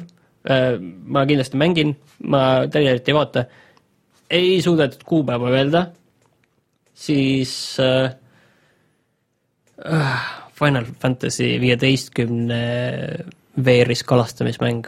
Ma nice. pidanud selle endale top kolme panema tegelikult. Nice, tead kalastamine VR-is on väga mõnus päriselt tead, ma võin niisama kalale minna, tead, see on palju huvitavam. tead, ei siis sa ei saa midagi, VR-is sa ikka saad ka midagi. muidugi üks uus mäng, mida me praegu ei äh,, ei maininud täiesti õigustatult, on Spider-man. ma tahtsingi Spider-mani rääkida, et esimest korda näidati selle mängitavust ja see tundub aa, see on varem välja kuulutatud? see on varem, see kuulutati sealsamas minu arust PlayStation Experience'il välja, aga seda ei näidatud. et okay. nüüd näidati mängu ennast ka, et no öelda, et Spider-man on natukene laenanud äh, Arkhami seeriast, oleks ilmselt äh, vähe öeldud, et äh, ma ei tea, patarangide asemel äh, veebi, need võrguampullid ja siis äh, pättkonksu asemel võrk ja põhimõtteliselt on lihtsalt nagu graafik ära miks sa, miks sa hakkad nagu jalgratast leiutama, on ju, muidugi, miks sa hakkad ise mõtlema? toimib. aga ma ei tea, ma nagu ei, ei oskagi selle pigem nagu Sony ikkagi keskendus nagu VR-ile, mul ei tunne, et äh, keskendus VR-ile on küll võib-olla palju no keskendus mitte, aga ütleme, et mi-, millele kõige rohkem kuulutati uusi asju no, tegelikult uusi asju, välja, oli mm. nagu see, et põhimõtteliselt kõik need äh, Sony stuudiod, kes on varem neid VR-i asju teinud, siis nüüd äh, nad teevad lihtsalt uusi asju, et Until Dawnil tuleb nüüd, ma saan aru, ka natuke rohkem päris VR-mäng välja, The Impatient mm, -hmm. et mhm. see, mis tuli ennem välja koos selle PlayStation VR-iga, see oli mingi kahekümne eurine ikkagi selline on-rails äh, tulistamismäng, kaks, kaks tundi. sõna otseses mõttes on-rails. jah, sest sa olid, olid vagunis, vagunis, sõitsid. et see oli vahva, aga te Äh, ma ei ole küll Until Dawni mänginud, see on üks neist vähestest asjadest, mida ma Playstationi peal kindlasti tahan millegagi mängida. aga, aga mulle küll tundus, et ei ole väga seotud selle Anto-, Until Dawniga, et võib-olla veidikene. see on selles sama vaimuhaigla, nagu õudusmängus olema peab mm -hmm. ja siis sündmused, mis toimusid seal, oli vist kuuskümmend aastat tagasi lausa, et jah, tõenäoliselt nad ei ole väga seotud mm, -hmm. et ütleme nii. ja Sonyl oli see Skyrim VR-i, sa ütlesid, tegelikult oli neid mänge ja selle, selle ägeda kalastamismängu äh, ja kusjuures seda Hidden Agendat, seda Playlinki mängu teebki sama stuudio, kes tegi Until Dawni ehk Supermassive mm. -hmm. et äh, see tundub nagu huvitav, aga noh, ma ei tea.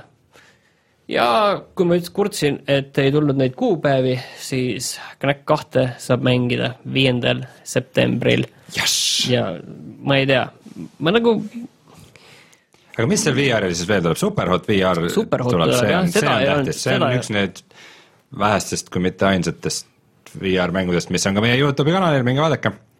Äh, ja muud on nagu mingid siuksed. ja no Days Gone, God of War, mõlemad on oodatud mängud. Days Gone'il kuidagi, kuidagi vaata, ütleme, et on mänge, mis teevad nagu zombisid, kus on palju zombisid, tehakse, et seesama mille neljas osa Dead Rising on ju ja, ja kus on palju, aga Left see 4 Deadis oli ka see yeah. zombimassid ikka. jah, aga et see, kus see mõjuks niiviisi kuidagi nagu tõesti väga ohtlikult või niiviisi rusuvalt, kuidagi, ma ei tea, see Days Gone tundub, et seal nagu on see kuidagi, see tundub ebamugav nagu, et seal on need kuidagi niisugused, kuidagi, kuidagi, kuidagi nagu toimivad, ma ei, ma ei tea, et äh, niisugune vastik, niisugune mass, niisugune jaa. aga täiskond tundub väga äge, ma arvan, et jah seda, aga see kõik oli varem teada, ega seal, seal nagu ei tulnud midagi kriitiliselt uut, et no ja see nagu Sony nagu võtabki kokku, et sellist kriitilist uut ega ei ole, et mm, -hmm. et tõenäoliselt äh, küsimus ongi nüüd Sony koha pealt see, et et mida nagu visati õhku, et kas oligi nagu see alguses, mis ma tõin selle Putini ja Trumpi nagu võrdluse, et kas see oli nüüd niiviisi, et Sony ütles, et jah, et me me nagu näitamegi koha kätte, et me lihtsalt näitame enda häid mänge, mis meil on ja kõik, et me ei võta nagu seda üritust nii tõsiselt, või lihtsalt Sonyl ongi selline seis, et ütleme niiviisi, et kui seal oleks ka Last of Us'i näidatud, et äh, siis mul oleks tekkinud tunne, et neil nagu ei olegi tegelikult midagi rohkem ja nad võtavad seda ikka tõsiselt, aga kuna Last of Us'i ei näidatud mm., siis mulle tundub, et nad, nende eesmärk ei olnudki seal nagu minna nii väga midagi kedagi lööma, vaid lihtsalt äh, näidata neid asju, mis on ja mitte liiga palju seal paugutada mm. -hmm. et ega neil väga palju stuudioid ei ole, mis tegelikult enam millegi kallal ei tööta minu meelest, aga noh, aga räägime veel asjadest, mis välja kuulutati uued, mitte nüüd enam Sonyst. Näiteks tuleb järg mängule Wolfenstein, mis ei Yeah. olnud uudis väga kellelegi, see oli see oli juba üsna kindel, et see, see tuleb, nad olid ise ka vihjanud seal äh, asjadega, aga Wolfenstein kaks ja selle alapealkiri on äh, The New Colossus. The New Colossus. Nagu arvati. kusjuures, kui nagu sellel T3-l peaksid vaatama ühte kaheksaminutilist treilerit, siis põhimõtteliselt ma arvan, et see peaks olema see Wolfensteini oma. Äh, selles mõttes Wolfensteini maailmas siis, et see on nagu niisugune teine alternatiivne tänapäev äh, või isegi ei, kuuekümnendad, seitsmekümnendad. kuuekümnendad, seitsmekümnendad, okei okay.. kus äh, natsid võitsid Teise maailmasõja ja kui esimene osa toimus Euroopas, siis teine toimub Ameerikas. nii et äh, sa lähedki siis äh, stiililiselt on ju päris nagu äge, et sul on nagu siuksed nagu see kriisiajastu nii-öelda ja, ja see on nagu segatud nagu tollaste mm -hmm. natsidega ja kuidas see kõik võiks seguneda see visuaalselt nägi kõik nagu äge välja, see on päris fun, aga, aga jällegi nagu ka selle esimese Wolfensteiniga mulle tundub, et see nagu see story osa on nagu ägedam kui see, kui see lahingu osa. natuke. ma ei tea, ma ütlen, et mina olen mänginud ainult Bad Bloodi mm., et äh, mis oli nagu minu meelest päris lõbus oota, Urblad oli see lisa või? lisa, lisa ja New Order oli see põhimäng. jaa, New York oli põhiline.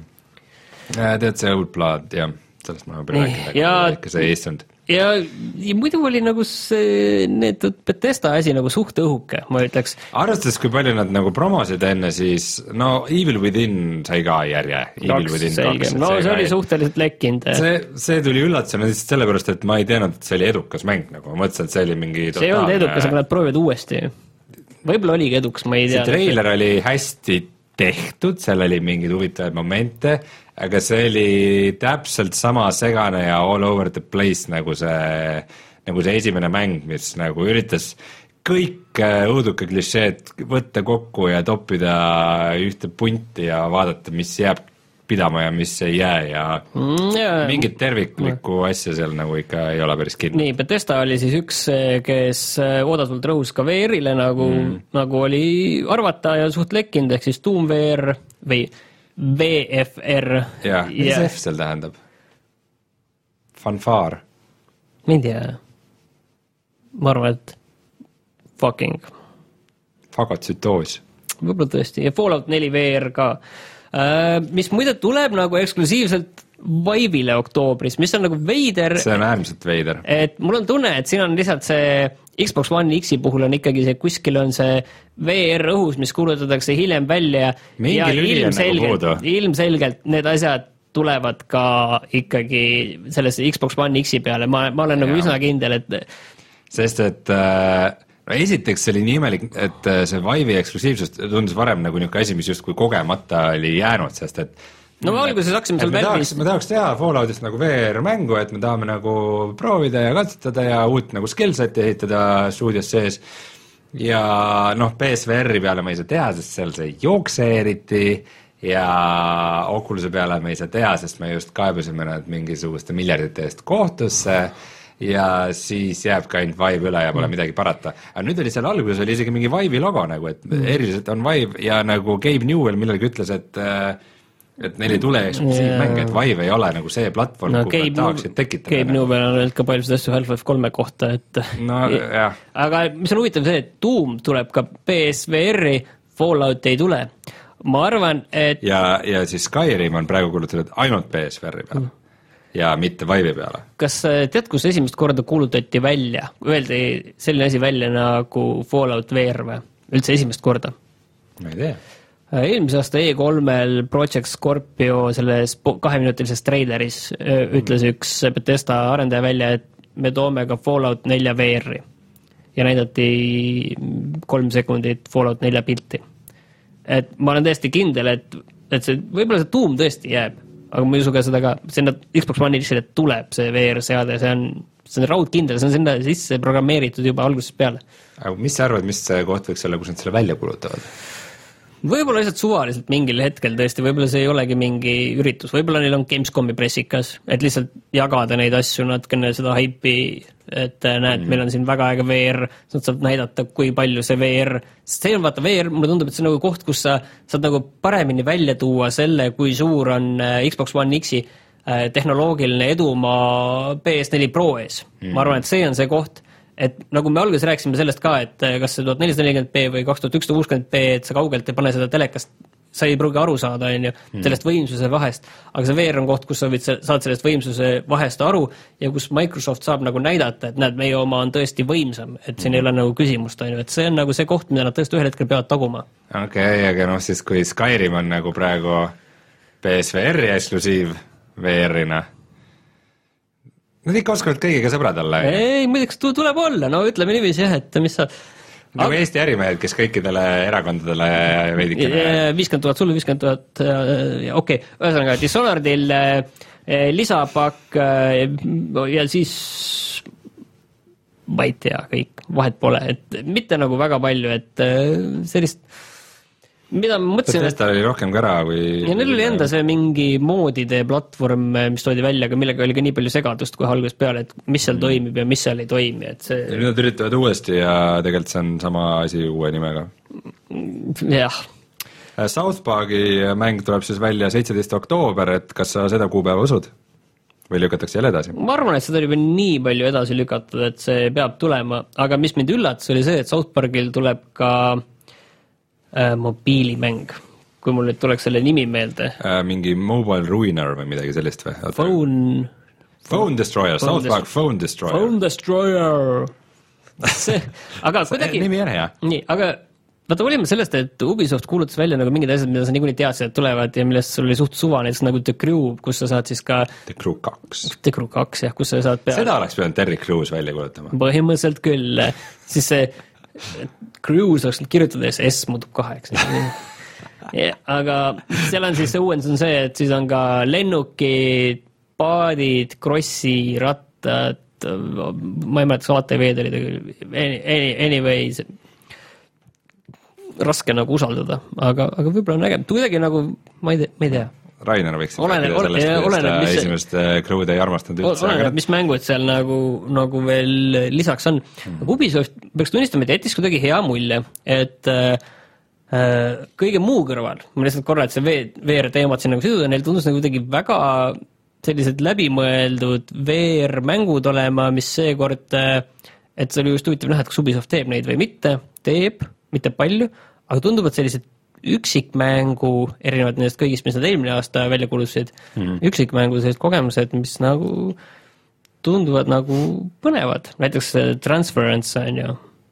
Elijah Woodi mingisugune. ja nemad teevad kõigile, see on selline midagi, midagi on vist üles filmitud ja see on kuidagi mingi experience, müstiline, segane ja mingit sellist meta neljanda seina lõhkumist, kõik oli seal, et, et see nagu tekitas tunde, et tahaks veel nagu teada mm., et mis sellega nagu on. Far Cry viite näidati, ausalt öeldes äh, minu meelest ei olnud nagu selline litakas, mida ma oleks tahtnud saada. Seal, seal näidati ühte seal demo lahingut, ma ei tea, kas sa nägid seda kuskil kiriku juures vist, jah? jah. see nagu ei olnud nagu nii see jama on see, et nad promovad seal jubedasti seda, kuidas sa saad omale appi kutsuda mingit äh, snaiprit panna torni, koerad äh, saata, mingid tüübid tulevad autoga, lennukiga. Ghost Recon Wildlandsi just mängisin. ja see, selles mõttes see ei ole äge nagu, Far Cry's ongi äge see, et sa ise jooksed ringi ja teed ja hüppad ja ronid ja tulistad ja tapad, et jooksed ja lähed ja liiga palju mõtled. teisel seal ära teha kõik, see ei ole nagu see lõbus osa sellest. aga noh, kui see nagu öeldud, siis noh, mind ei ole vahepeal olnud, kui te olete rääkinud Far Cry viiest, mulle see setting ja see setting on jumala väga meeldib, see Montana mäed ja maakad ja kirikud ja värvilised rekkad ja see on kõik superäge nagu, seda, seda tahaks veel. tahad, ma ütlen sulle ühe asja, mida veel kunagi ei juhtu tõenäoliselt või?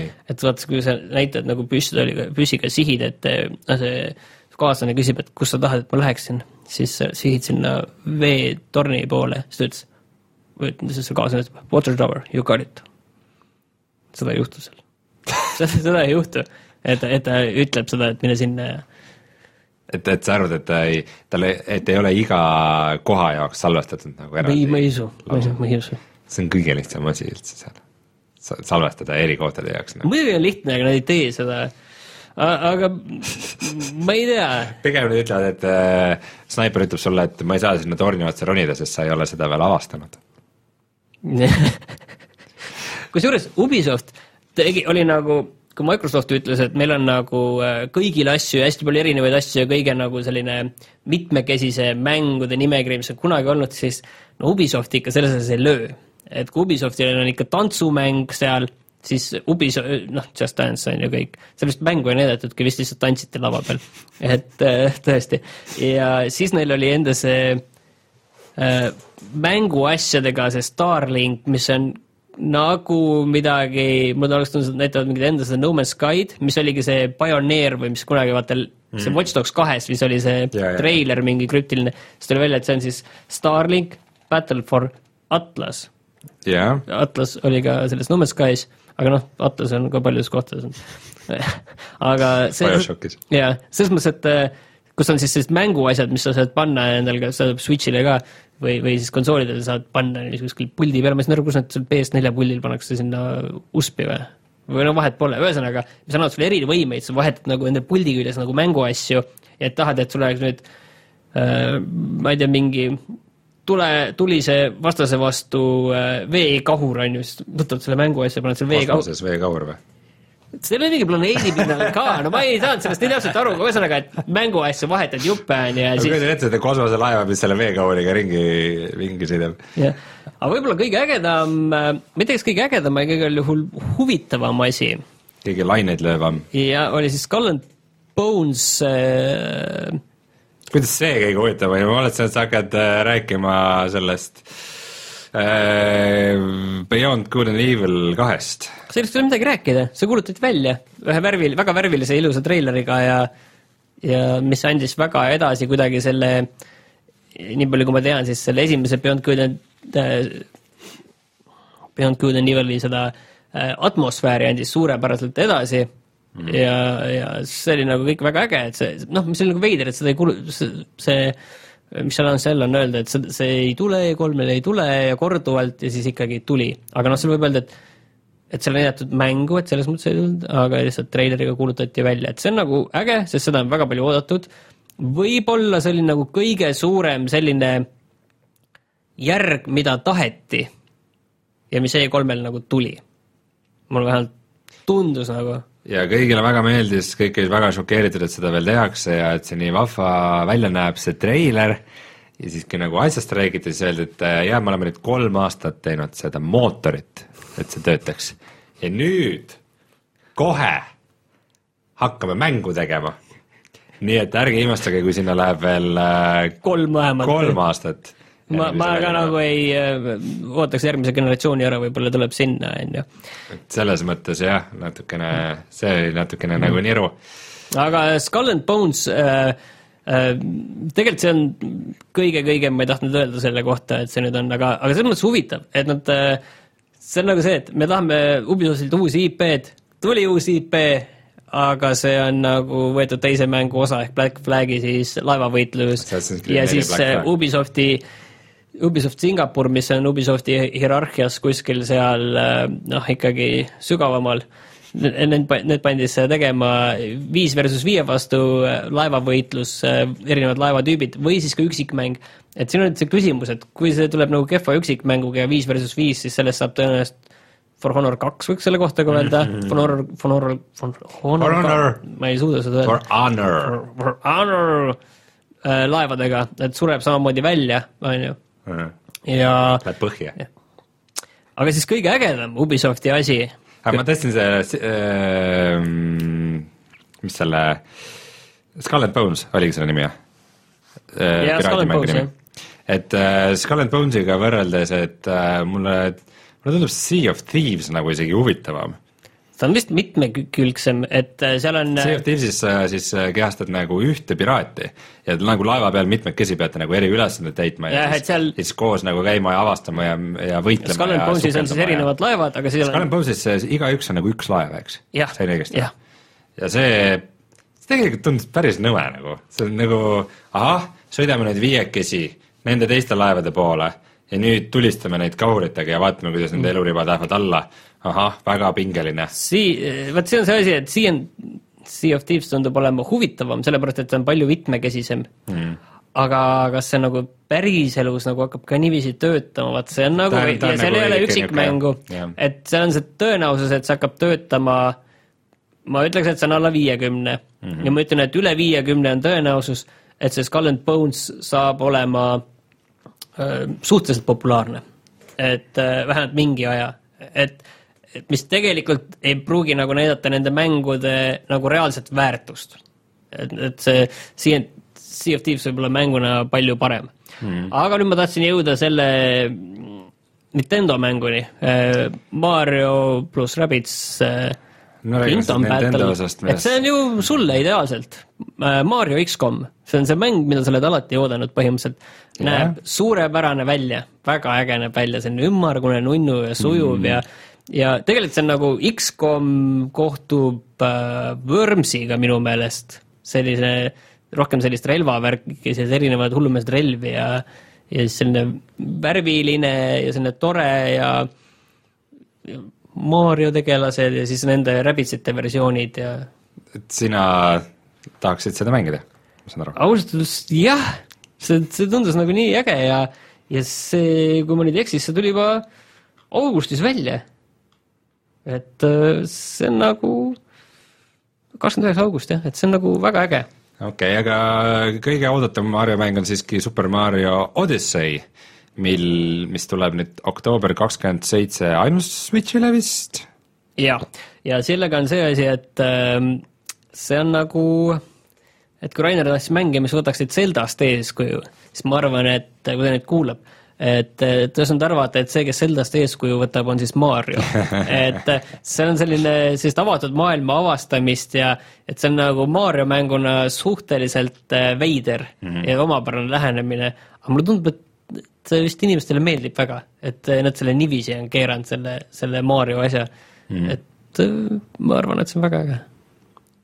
Aga samas ma ei ole nagu kindel, ma pigem nagu ma tahaksin praegu mängida seda Mario pluss Rabbids äh, Kingdom Battle'it mm.. ma arvan, et ma pean selle Switchi ära ostma, aga, aga mul, ma seda Battle'it tahaksin rohkem. aga Odyssey's saab Mario võtma mütsi, visata selle konna pähe ja siis ta võtab selle konna mõistuse üle. kas ta pole saanud alati niiviisi teha või? mind huvitab, mis sellest äh, Mario enda kehast siis saab, kas see jääb lihtsalt elutuna kuhugi vedelema ja nagu istub maas ja illastab täis ennast? ma arvan, et me esitame selle küsimuse järgmiseks korraks äh, Rainerile. aga, aga... Aga-, tegelikult kui rääkida nagu selles mõttes äh, nagu E3-e võitjade kaotajast, mulle tundub, et Ubisoft jättis kuidagi väga, väga hea mulje enda line-up'iga väga mitmekesise ja, ja neil tuli uusi asju välja, mis on alati hea, siis äh, noh, ja tei-, teiseks võitjaks tõenäoliselt Nintendo, kes tegi väga lühikese selle pressikonverentsi ja pakkis sinna sisse nii palju infot ja uusi asju, et Zelda uus DLC sügisel, Rocket League Switch'ile juba rääkisime, uus Kirby ja Yoshi mäng, need küll järgmisel aastal, Pokemon, Pokemon, Metroid Prime neli äh, ja kindlasti oli seal midagi veel, et see, seal oli nagu palju asju kiirelt, värviliselt äh, öeldi, et Pikmin neli on ka töös, et see on nagu, see jättis nagu väga hea mulje ja selles mõttes Switchi jaoks mul on tunne, et see on väga väga nagu oluline, et näidata, et meil on siin väga palju asju tulemas, kui vaadata natuke teistpidi, siis nagu kolmandatelt arendajatelt nüüd ei tulnud nagu liiga palju asju, aga siiski midagi ikkagi oli, et seesama, et Ubisoft teeb mänge, Ubisoft teeb sedasama Starlinkiste mänguasjade mängu, seda noh, sama Mario Rabbids Battle'it, Kingdom Battle'it teeb mm, -hmm. ja noh, EA teeb Fifat, on ju, mis tuleb ka Switch'ile et Nintendo nagu minu meelest jah, väga ägedalt tegi. -hmm. et kui veel mõttega midagi võtta, siis äh, kes on väga lihtsasti unustatav, aga ma ei tahaks sellele üle kahe minuti aega äh, mille, kellest me räägime, aega kulutada? millele sina ei taha aega kulutada? jaa, kellest me peame veel rääkima? ma ei tea, Martin EA-st, ah.. et äh, ma ütleks, et väga selline ettearvatav äh, lihtsalt äh, Battlefront kaks, mis näeb välja nagu Battlefront üks, Need for Speed, mis on nagu The Fast and Furious või mingi eelmine Need for Speed, siis need spordimängud, no seda Anthemit nad näitasid äh, Microsoftil ja siis üks huvitav asi, ma arvan, tõesti, nagu üks huvitav asi, A Way Out siis, mis on siis selline Brothers äh, Tale of Two Sonsi, väga kiidetud mängu tegijate uus mäng, mis on samamoodi koostöömäng, kus sa oled ka vist vennad. olid vist kaks venda? olid vennad või? ma ei ole tegelikult kindel, võimalik, et ei ole. aga kes peavad vanglast põgenema. ja seda saab mängida ainult koostöömänguna ja ma saan aru, et see on alati split screen'is, et isegi kui sa mängid seda nagu multiplayer'it, siis sa ühel pool ekraani näed nagu enda tegevust ja teisel pool äh, selle teise tegevust. et sa pead äh, koos äh, vanglast põgenema ja mingeid ülesandeid lahendama ja see tundub väga kihvt. see tundub kihvt, et äh, EA on selles mõttes, mul on tunne, et nad on õige, õige firma saanud endale käpa peale mm, Mhm. -hmm. et äh, aga ja Life is Strange'ile tuleb ka järg, see ei ole nüüd EA-ga seotud, aga jah, seda näidati vist Microsoftil Before the Storm, mis on nagu veider, mis juba mind seal närvi ajas, on see, et äh, kui ma nüüd õigesti, esimene pettumus oli see, et see on kolmeosaline eellugu, ma natukene piilusin seda treilerit, ma liiga palju ei tahtnud äh, vaadata, kuna mulle see esimene meeldis ja ma hakkan seda kindlasti mängima, tundus äge, et täpselt tund-, tuttavad tegelased, et kuidas saad nagu hoopis teise konteksti panna need asjad, mis enne toimusid ja seal näidati võib-olla isegi liiga palju neid samu kohti, mida sa seal põhimängus nägid. liiga palju fänniteenindust. aga mis mind närvidele hakkas kohe käima see, et seal on veel neljas episood veel. kas, mis oli eeltellitav või mis oli kuidagi, kuidagi mingi lisatrikiga saadav, mida ma praegu ei mäleta, aga sellepärast, et see ajas mind tõenäoliselt närvi juba sel hetkel mm.. et eh, mis oli veel vist äh, eraldi seal Maxi lugu vist, kui ma ei eksi, vist. ühesõnaga, nad teevad neid asju valesti sellega Mm -hmm. et see kolm ja sama stuudio ei tee ka, kes ta esimest tegi, et äh, ja kui ma siin suvalisi asju veel vahele loobin, mida ma enne ei maininud, siis äh, State of Decay kaks on siis ka Xbox'i ja Windows kümne eksklusiiv. ja mis kuulutati välja veel, mis võiks olla huvitav, on Tropico kuus, võib-olla selle sarja üks probleem on see, et äh, algselt selline arvuti peal olnud strateegiasari, ta nüüd võib-olla natuke liiga konsoolilikuks tehtud mm. -hmm. et äh, see võib-olla ei pruugi nagu nii ägedalt töötada.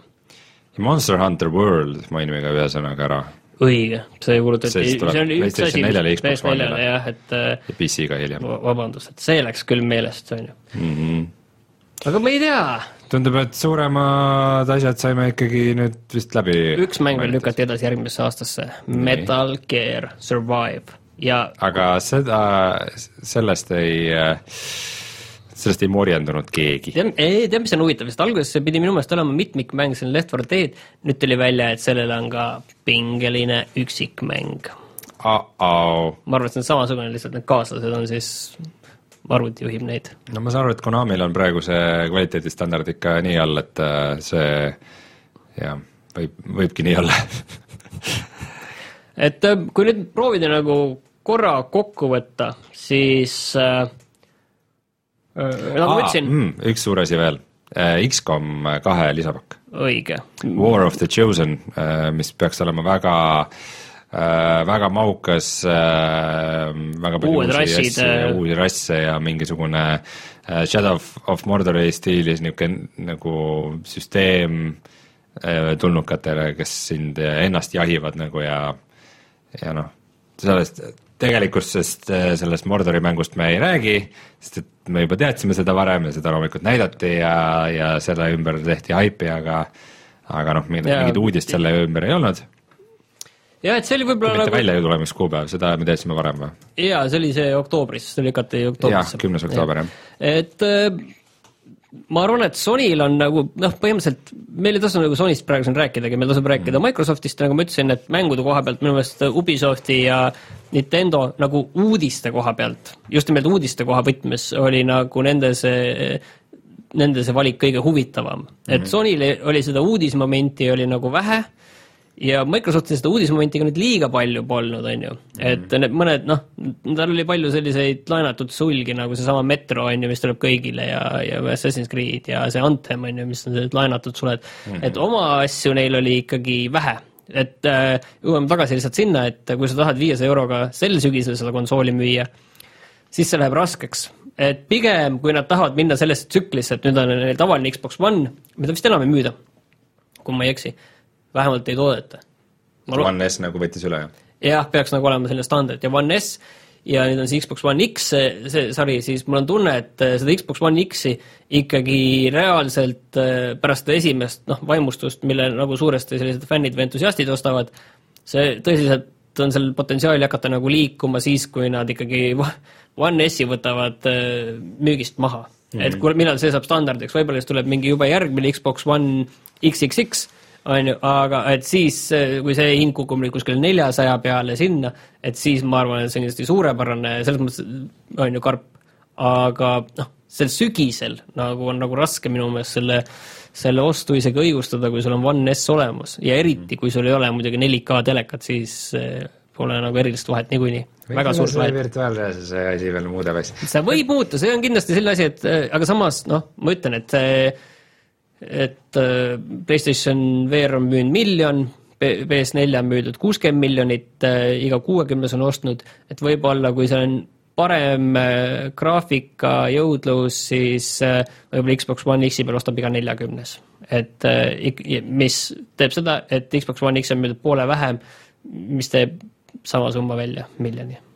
aga vaata, kuna äh, Microsoftil on Xbox One ja Windows praegu nii tihedalt integreeritud, et iga mäng töötab nagu mõlema peal, siis äh, see peaseade, mis sinna läheb, võib vabalt olla mingisugune, mis töötab ka PC-ga, nagu nad ise ju teevad, Asuse ja Lenovoga teevad ka äh, juba peaseadmed, mis äh, sellel aastal välja tulevad ja pigem see võib isegi midagi sellist olla mis uh, -huh. mis ei maksa väga Ja palju. ko- kolmesaja- no kolmesaja- mida sa saad ka arvutiga kasutada. jah, see on, see oleks nagu mõistlik, et kui sa saad öelda, et näed, kasuta seda selle meie konsooliga, kasuta arvutiga, et see on nagu tõesti see, see investeering ei ole, ei lähe sul kuskile nišši, vaid sa saad tõesti sellega midagi muud teha, et see, see oleks nagu jah, asi, millega teha, et ähm, see tundub nagu tõenäoline, et see võib juhtuda mingi hetk. Et aga, aga põhimõtteliselt- väga suure põnevusega ootan. ühesõnaga VR-ile Microsoft ei pööranud tähelepanu, aga teised ikkagi pöörasid küll, et näidata, et see asi on nagu kindlasti nagu elus, et mm -hmm. tuleta meelde, et kuskil, kui PlayStation kolme seal, mitte eluea päris lõpus või keskel, kui oli see VR, la- 3D laine seal, siis see nagu suri välja ühe, ühe E3-ga. et kui mingi asi juba elab teise E3-ni jõuliselt, siis see on juba päris kõva märk et mingi, mingi selline laine aga kui nüüd üldiselt, mida nagu alati E3-lt tahetakse, on nagu uusi IP-sid, uusi mänge, palun näidake meile neid, siis äh, neid oli, aga kui see on nagu mingi asi nagu Anthem, siis see nagu ei ole sisuliselt uus asi, et see on äh, ikkagi sama asi äh,, äh, lihtsalt mingi, paned sellele uue nime. et äh, sa võid nagu äh, koera nimetada äh,, ma ei tea kassiks, aga ta on ikka koer, on ju, et sa näed, et ta on koer, et eh, see Anthem see on Division või Destiny, et sa saad aru, on ju, see, see ei ole, see ei ole kass, on ju. ei, see jah, mina ei leiaks küll praegu põhjust, et omale soetada Xbox One'i. nii, aga kes eh, võib-olla et kui mi- mingi mäng nagu kuulutatakse E3-l välja, ma lihtsalt ütlen seda ja selle pannakse sellele äh, tähtajaks, et tuleb välja kaks tuhat kaheksateist, siis ma arvan, et see on nagu normaalne, on ju, et see jah, et kui inimesi aasta varem või niiviisi kuulutad välja, see on nagu okei okay,, on ju. no kaks tuhat kaheksateist algus on ikkagi ju veel enne järgmise aasta E3-e. jah, et see, see on nagu selles mõttes okei okay,, aga lihtsalt äh, kahju, et ei tulnud ühtegi sellist üllatusmängu, et näed, see on täna saadaval teile, minge võtke ja mängige, et seda on varem tehtud. mingeid väikseid oli, aga need olid ikka tõesti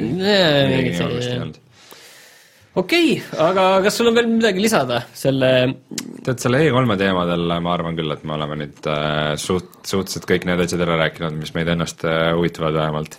et äh, ja laiemat üldsust. et need ülejäänud pigem võivad jääda siis nišikateks. aga tuleme siis kohe tagasi ja räägime, et mis me mänginud oleme kah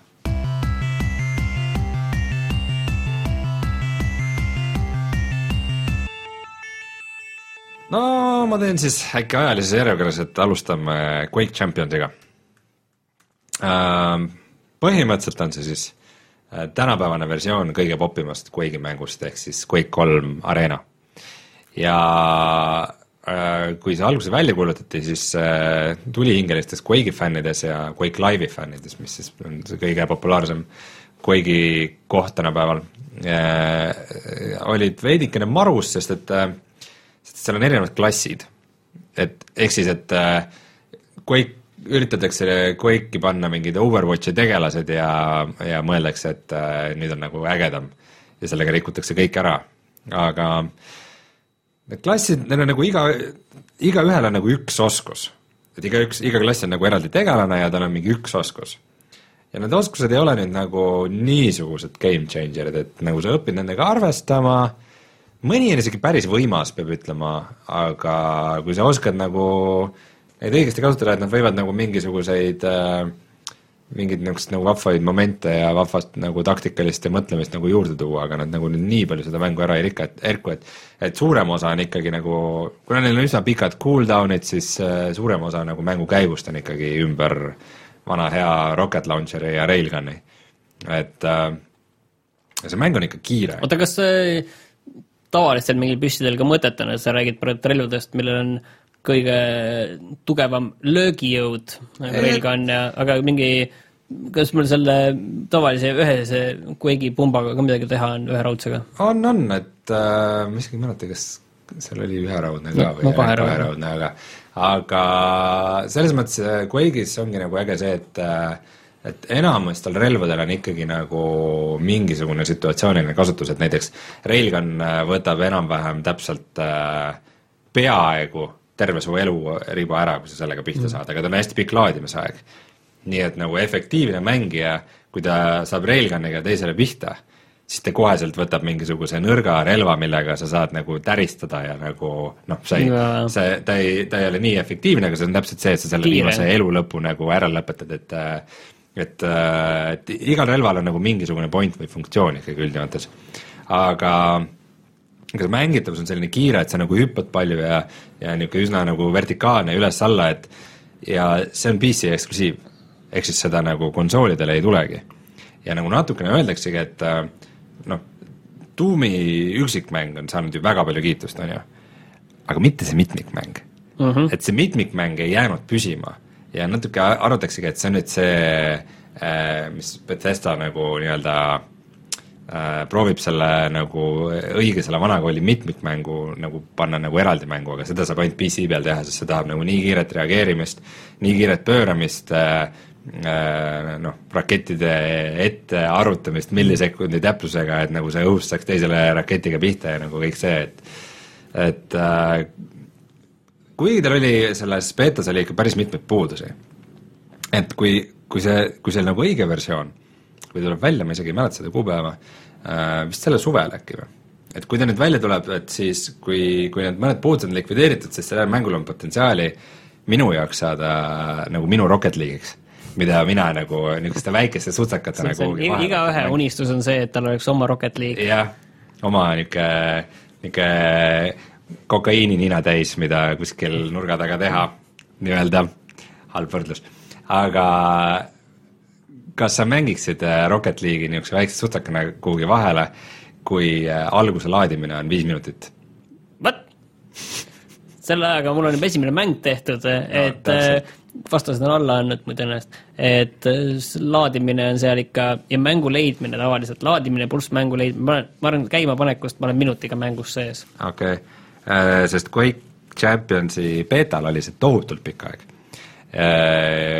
pluss veel see alguse mingid lobid ja need asjad, et äh, see ikka ei olnud väga äge. no ja pluss, pluss on see, et seal on mingisugune kastide ja punktide süsteem mm., aga äh, ma saan aru, et see ka tuleb põhimõtteliselt tasuta mänguna välja, et seal mm -hmm. seda nagu tasuline ja tasuta versioon, kus äh, tasuta versioonis sul on ainult umbes mingi üks klass ja, ja noh, relvad on sul ikka nagu samad, aga sa, sa ei saa mingeid neid teisi tegelasklasse kasutada, et selleks sa pead kas nad eraldi ostma või siis, või siis ostma selle mingisuguse täisversiooni. et põhimõtteliselt äh, on see kiire äh,, armutu, niisugune, mõnes kohas ongi see, et, et see just see, et on niisugune see vanakooli veidikene poleerimata mängitavus, et sa satud kellegagi duelli nagu ja niimoodi viimase kümne küünega nagu proovid, et et mõlemal on mingid viimased eluribad, et kumb nagu saab nagu teisele nüüd lõpuks pihta selle pumbaga või mis iganes. ja siis vaenlane saab sinust jagu ja sa ei näe, kui palju tal elusid alles jäi või sa ei näe seda oma killcam'i, et kuidas, et mis, mis seis tal mingi ammoga oli või et see on nagu imelik, nagu harjumatu, et ma ei näe seda, vaata ei, või see on suurepärane, või kust see last tuli, aga see on just see, et see on nagu mõnes asjas nagu meelega selline vanakool kuidagi. aga see on okei Ja ma mõistan seda tunnetust, ma ütlen, et Doomis üksikmängus ma sain nagu seda tunda, ma saan aru, et see on ja, ja see peab, sul hakkab pea juba külili vajuma selle jutu peale Mm, no see- ei, aga ma saan aru, et see on nagu aste sealt edasi, ma saan aru selles mõttes ja, jaa. see, see kiiruse täpsus on ikkagi, see on ikkagi nõks edasi, et äh, mm, pluss sul ei ole mingisugused minutilised animatsioonilukud. No äh, kus äh, vastased nagu jõulu, jõulukellukesed helendama hakkavad ja siis sa kuskilt kümne meetri kauguselt äh, õiget nuppu vajutades teleporteerid nende juurde ja vaatad seda animatsiooni, kuidas pinjata seest siis kommi tuleb see oli siis tuumi kohta.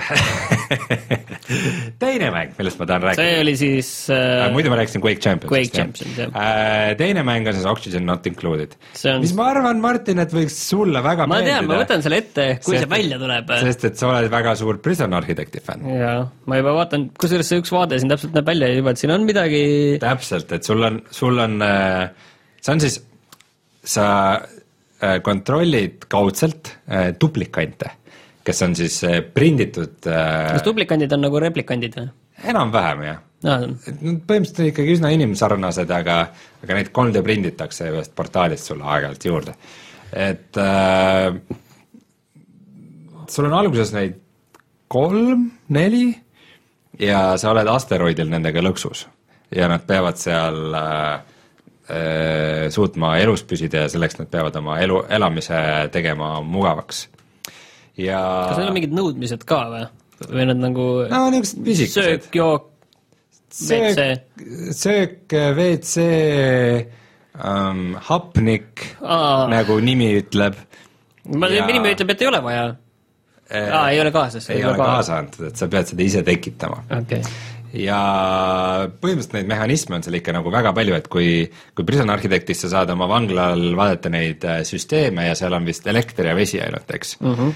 siis äh, Oxygen Not Included sul on, sul on elekter, vesi äh, ja siis nagu ventilatsioon, et äh, ehk siis see gaaside süsteem nii-öelda, gaasiline füüsika selles mängus, see läheb nagu hämmastavalt tiibiks.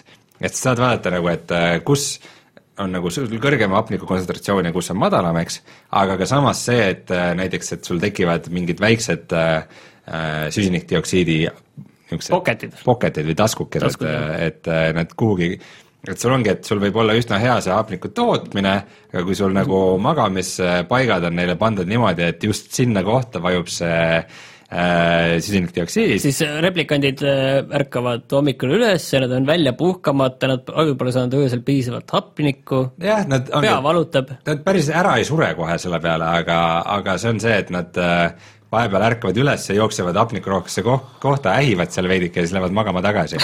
et äh, pigem nagu see asi, et ähm, siis nad jaksavad vähem tööd teha järgmine päev, sest nad on halvasti maganud ja ja siis nad saavad räpaseks ja nad tahavad ennast pesta ja selleks sa pead neile äh, tegema duši, aga duši sa pead loomulikult äh, jooksma vee organiseerima ning ka vee äravoolu, kus, kust siis läheb must vesi. see kõlab nagu päris hästi. ja must vesi, äh, see on loomulikult räpane, et see peaks kuskil mujal olema, aga toit tuleb peamiselt nagu taimedest, mida sa kasvatad, tulnuk, tulnuktaimed, mida sa sealt asteroidilt leiad ja mõned neist tahavad nagu äh, äh, noh, kõik need ta-, tahavad niisutamist, aga mõned neist tahavad äh, just seda räpast vett. et sa saad seda nagu väetisena kasutada, et kui selle äravoolu ühendad nagu selle oma, oma põldudega nii-öelda, siis, siis saab sinna voolata ja siis osadele taimedele meeldib nagu soojem temperatuur, osadele külmem, et nagu, et siis mis mingite keisrite või äh, kivimite ja asjade juurde sa neid paned, et äh, seal neid mehaanikaid ikka on. ma, ma tahaksin, tahad midagi veel öelda, muidu mul on kaks küsimust juba valmis. ja mistõttu lihtsalt ma olin natukene üllatunud isegi, et äh, juba esimeses mängus, esimest korda ma hakkasin, mul läks kõik pekki nagu hea, see on hea näitaja alati. Nad äh,, minu duplikandid äh,, nad jäid haigeks äh,, nad olid näljas ja hakkasid ühel hetkel ükshaaval maha surema. Ja siis äh, kuna ülejäänud olid äh, nii stressis sellest kõigest, äh, igaüks reageerib stressile erinevalt, osad istuvad maas ja nutavad, mis tähendab, et sa pärast pead põranda veest puhtaks pühkima. Osad oksendavad, mis tähendab, et nad vajavad rohkem toitu, siis nad oksendavad oma toidu välja, pluss sa selle okse pead pärast ära koristama ja osad hakkavad kõlab kõva mikromajandamine. osad hakkavad laamendama ja lõhuvad su asjad ära ja nagu ühesõnaga, siis nad ei, nad olid kõik nii stressis, et nad ei suutnud isegi hauaplatse valmis kaevata, need laibad jäid mädanema sinna, tulid mingisugused elukad äh, ja see mäng läks tuksi. ja ma olin väga üllatunud, et teine mäng õnnestus hmm.. ehk siis äh, ma jõudsin äh, peale mõnda õhtut punkti, kus, kus nagu kõik toimis ja kõik mehhanismid, mis mängus olid, mul olid enam-vähem nagu saavutatud. ehk siis mul ei olnud nagu väga midagi enam teha, ma, ainus, mis ma sain teha, oli lihtsalt avastada meil seda asteroidi, aga kõik, mis ma leidsin, olid juba ressursid, mis mul olid olemas, nii et nagu mul kadus nagu motivaator ära, mul ei olnud nagu väga kuhugi edasi areneda, et äh, aga mäng on ka just välja tulnud ja early access. ma just tahtsingi öelda, et see on early access'is ja maksab äh, kakskümmend kolm eurot, et äh, kui valmis see nagu on, et see, mis sa praegu räägid, on mingi tavaline selline üksikmäng või noh, sellist nagu ei ole, lihtsalt selline liivakast, on ju? jah, ta praegu oli ainult liivakast ja noh, samas Don't Starve on ka ainult liivakast, aga mm, ta mingeid bugisid ja asju ma ikka kogesin väga vähe ta on nagu väga viimistlenud, ta on väga isikupärase graafikuga, graafikaga nagu, nagu Clay mängudel kipub olema, et et noh, lihtsalt vahepeal on seda stressis laamendavat äh, nagu duplikenti on nagu lõbus vaadata, kuidas ta nagu seal peksab peaga vastu seina ja möllab ja see on kõik nagu nii vahva ja isikupärane ja siis ta nagu jääb seisma niimoodi ja siis hingab sügavalt sisse niimoodi. Nii, ja nüüd ma teen tööd edasi nagu, et, et rahunen maha ja seda, see on kõik kihvt.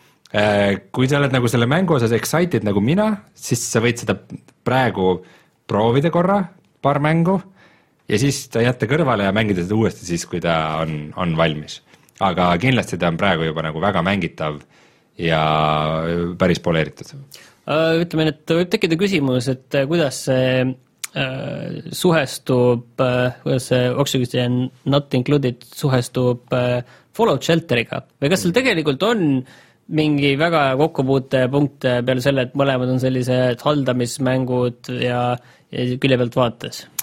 Need ei ole väga ühist, et äh, Fallout Shelter on ikka noh, väga lihtsustatud mobiilimäng võrreldes Oxygen Not Included'iga, kus neid, kus neid mehaanikaid on noh, sul oli, mis seal oli, toit ja vesi oligi suht kõik ja ja elektrit pidi olema, aga sa ei pidanud nagu vaata laiali vedama neid yeah. elektrivõrgustikke ja seal on veel noh, mingid erinevad äh, elektrijuhtme tüübid ja sa pead mingisuguseid äh, transformaatoreid sinna vahele panema, et nagu, et äh, tugevamast äh, juhtmest üle minnes nõrgemale juhtmele nagu see nõrgem juhe põlema ei läheks ja ikka vastu peaks. neljasoonega juhe, juhtmed lähevad kahe peale üle ja no täpselt, et, et, et ma ei ole spetsialist. pluss sa teed seal mingisuguseid noh, neid gaasid nagu noh, ainult hapnik ja ja süsinikdioksiid on nagu ainult kaks gaasi, mida ma mainisin. sul on seal mingi saastatud õhk, mis tuleb mingitest äh, asjadest ja sul on seal äh, mingi hüdrogeen äh,, mida sa saad kasutada kütusena, kui sa seda välja pumpad ja, ja no igasugused mürgid ja osad nagu jäävad üles püsima ja osad vajuvad alla ja hoiavad rohkem laiali ja ja siis sa pumpad neid ja siis filtreerid mingist mingi välja ja nagu seal no meha-, mehhanismid ikka võivad päris hulluks minna kätte ära. aitäh, Rein, ma olen müüdud. Sa oled müüdud. otsisin not included, jah. okei, mul on väga hea meel, ma arvan, et sulle meeldib see. päevatöö on korras. aga kolmas mäng, millest ma tahan rääkida, on Player Unknown's Battlegrounds. no see on siis see suur äh, hitt praegu, mis vist veel pole hakanud langema. jah, ja mida ka üritati E3-l natukene ära kasutada seal marketingi vagunite ette rakendades, aga ähm, põhimõtteliselt on tegu siis Battle Royale'i tüüpi mängudega. et see on siis samamoodi early access'is ja maksab praegu kolmkümmend eurot.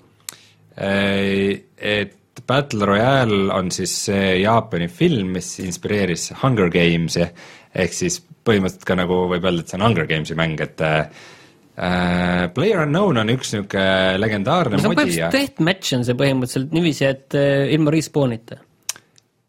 põhimõtteliselt Jah. ainult natukene mõned asjad on seal teistmoodi ähm,.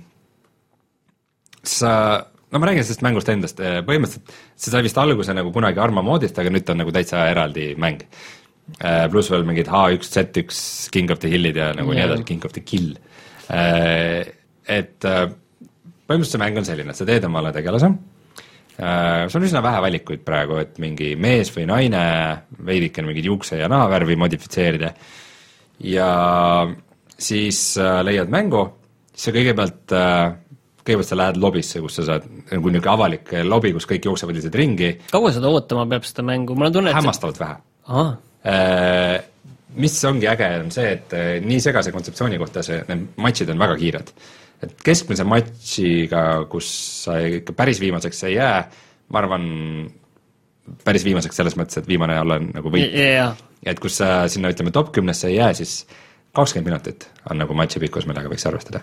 ja, ja alguses sa oled siis, kõik äh, pannakse lobisse ja ootad, kuni nagu need üheksakümmend üheksa inimest nagu ära laevad kõik, lobis kõik jooksevad ringi, laua peal on relvad, saad neid katsetada, teisi tulistada, keegi ära ei sure, lihtsalt jooksevad ringi, madistavad, lollitavad ja siis, kui kõik on kohal, siis on mängijad lennukis ja lendavad ühe saare kohale, saar on päris suur mm,. ja oma olemuselt ta meenutab võib-olla kõige rohkem DayZ-d, et niisugune nagu niisugune mahajäetud Vene poolmilitaarne elamupiirkond, aga ühe saare peal mm. -hmm.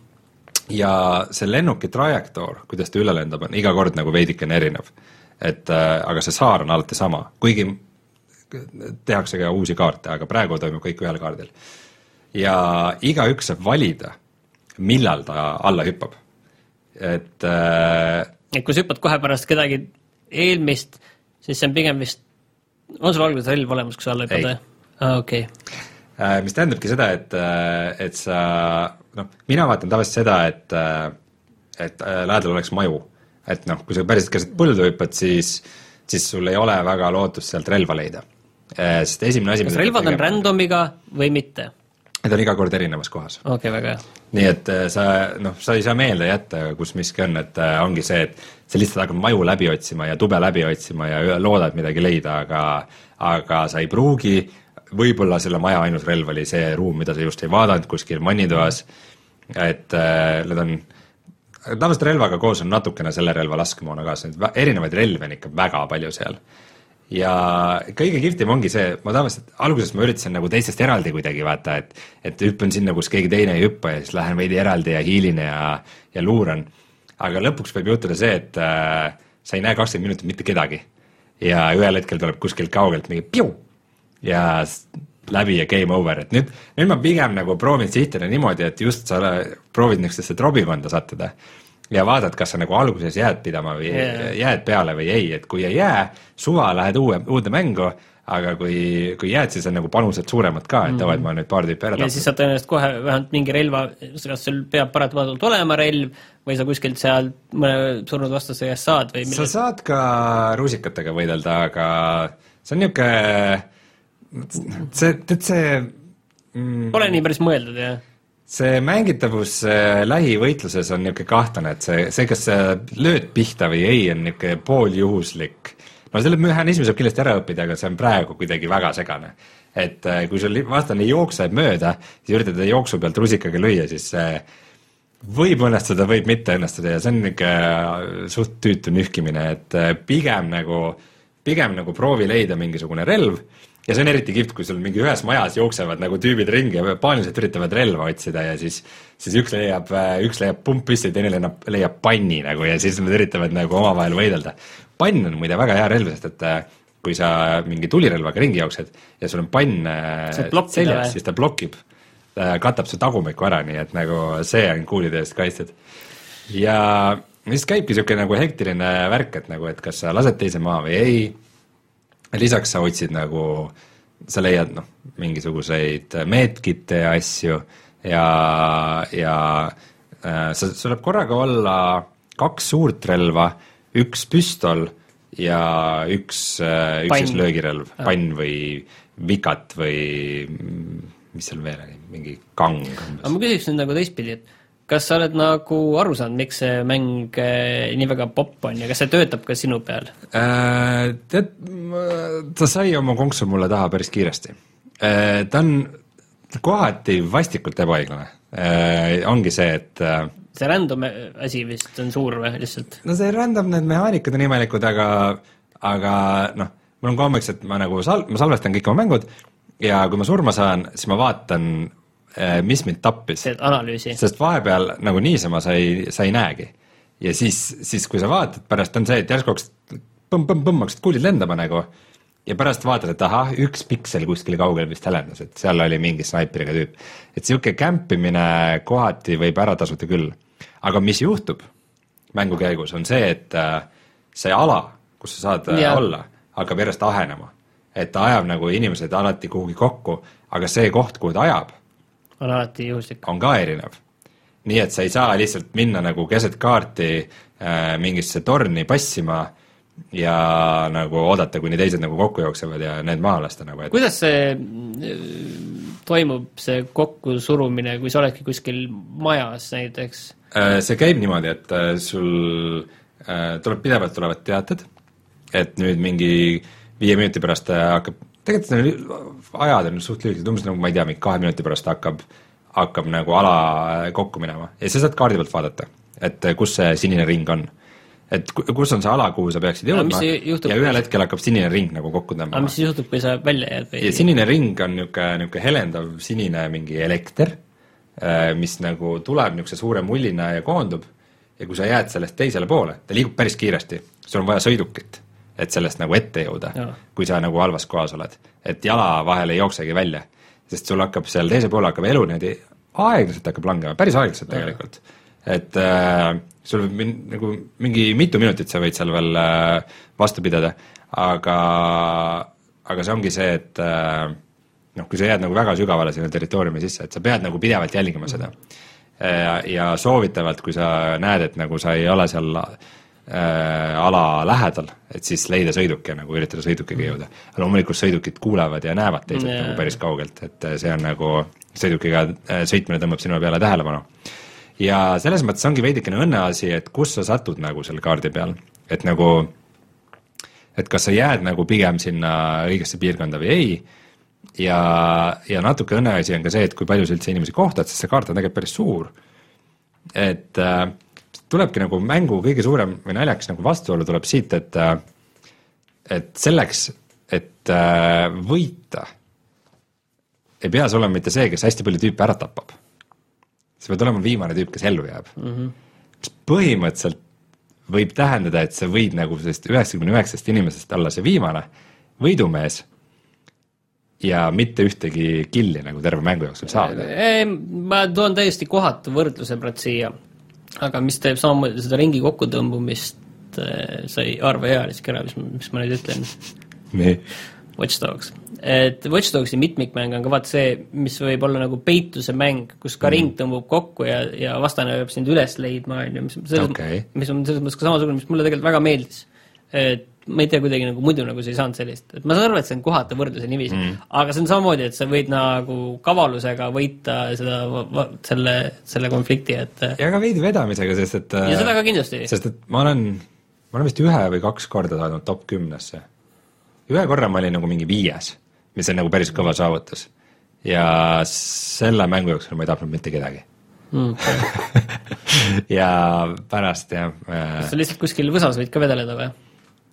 Võid, võid, sa ei ole päris märkamatu seal, aga sa võid olla kuskil toas ja mitte midagi teha ja siis ei näe sind nagu küll väga kuskilt, kui sa uksed kinni ka paned ja kui keegi lõpuks sinna tuleb, siis sa võid pumppüssiga oodata, kui sa oled seal õiges kohas miks mm. mitte nagu. aga see on ka selline mäng, kus nagu hea on, kui mängid seitse aastat vana graafikakaardiga või? Et äh, näed vastaseid, kes rohus vedelevad või?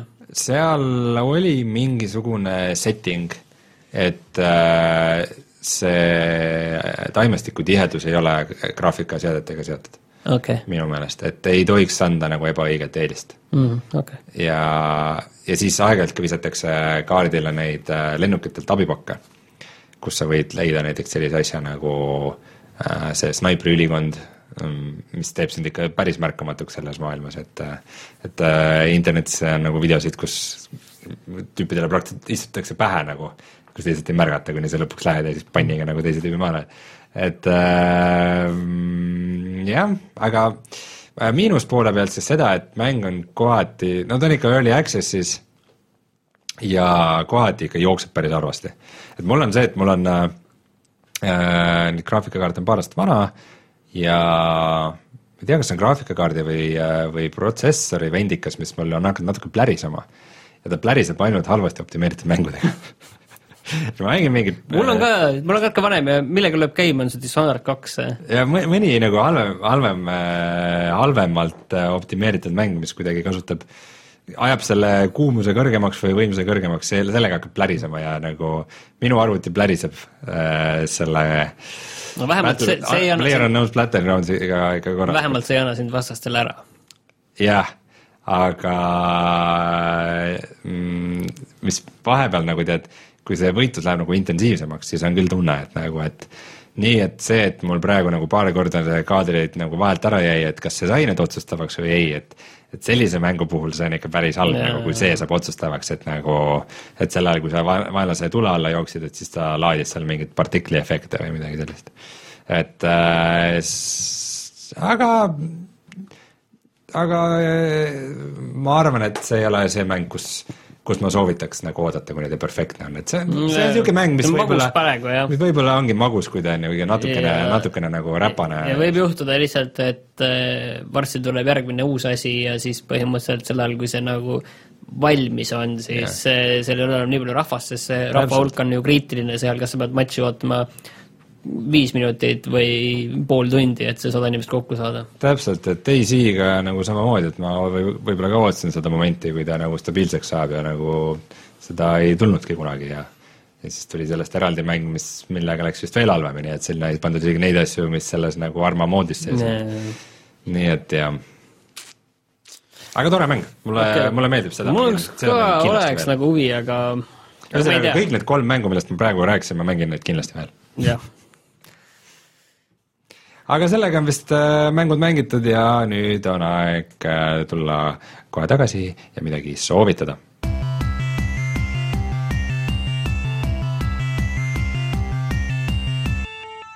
ja nüüd me oleme tagasi ja me soovitame midagi.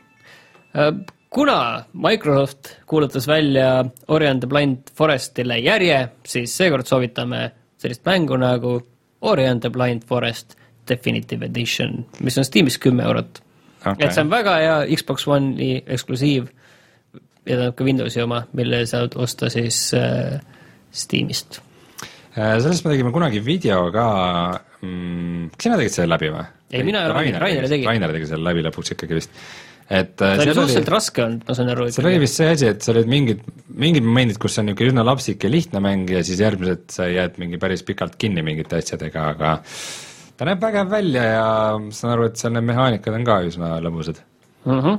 ja palju ta hind on praegu? kümme eurot. kümpar. aga see on väga ilus mäng.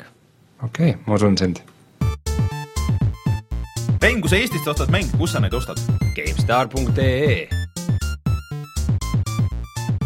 nii, selline oli siis meie E3-e saade ja kaks tuhat seitseteist. jah, ma ei tea, see kuidagi nagu ikkagi nõksa ootasin midagi rohkem ja eks ma tunnen, et sa tahad jumedasti kokku võtta või mingit, mingit üldist emotsiooni öelda selle kohta, ütle ühe lausega, mis see, mis see E3 kaks tuhat seitseteist lause siis on sinu jaoks?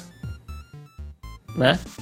ei, tegelikult no oli okei okay,, oli okei okay,, aga see ei olnud eriline. tegelikult noh, oli okei okay., aga, aga see ei olnud eriline, ei olnud eriline. ei, mingeid uusi asju tuli, aga see ei olnud eriline aga, siukest suurt üllatajat. Ma ei ei, eks vaata E3 ongi siukene veidikene, ta ei peagi sulle rahuldust pakkuma, ta peab sind, ta peab sind üles erutama, et, et sa ootaksid seda vägevat asja, mis kunagi tuleb, aga jah, põhimõtteliselt rohkem siuke tiisimisüritus. jah, sellise ebameeldiva võrdlusega me lõpetame. järgmine kord on Rainer tagasi oma Vahemere äärest või kus ta on, just on kuskil Ida-Euroopa festivalil. võib-olla jah, ma ei tea, aga ühesõnaga peaks järgmine kord tagasi olema ja siis kuuleme, mis tema sellest kõigest arvas. ja sina oled ka siis järgmine kord olemas, eks loodetavasti äkki seoses siis üle pika aja on lõpuks üks saade, kus me kõik kolmekesi sellega seoses on veel see asi, et äh, me anname teada, mis päeval me täpselt järgmisel nädalal saate teeme. sest me ei ole Aa, kindlad, kas me jah, et kas me teeme seda neljapäeval, et võib-olla selleks ajaks on kõik juba puhkuselainel mm,. et võib-olla teeme päev, päev või paar varem, et me anname kindlasti teada, et tõenäoliselt järgmine saade ei ole enam kaugel mm.. ja võib-olla me ühe asja unustasime veel ära. kas me videost rääkisime? äh,, ei rääkinud, ma tõesti kas meil tuleb? video ka täna? äh, mis meil viimati tuli? viimati me tegime Raineriga Injustice kahe, kus me omavahel võitlesime lõpuks ometi, ma sain seda teha, mida ma tahtsin. kahjuks ma küll, igaüks peab vaatama jah, kahjuks jah. okei aga okay., võitsin teda Mario kardis. nii ja mis, kas meil tuleb täna ka video? seekord meil on video Wipeout Omega Collectionist, kus ma otsustasin minna mitmikmängu. ehk siis kolmnurkade, hõljuvate ja kihutavate kolmnurkade rallimäng, mis äh, ma ei tea, vist PlayStationi ühe ajast vist isegi on, peab on nagu põhituntud, et on nüüd ilusasti remasterdatud. tundus päris kihvt, nii et äh, kui saame video üles, siis ta läheb ülesse. meile öeldakse ka, et äh, üks lause E3-e kohta, proovige järgmine aasta uuesti. jah, võib ka nii. okei okay,, minu nimi oli Rein Saab ja minuga koos Martin Mets. see oli meie mitmes saade nüüd siis? Kahesaja kuuekümne viies. see oli meie kahesaja kuuekümne viies saade ja kohtume juba järgmine nädal tšau. ning ärge unustage puhata ja mängida. ja kutsume saate saateks, seda tuleb ka lõpus öelda. tšau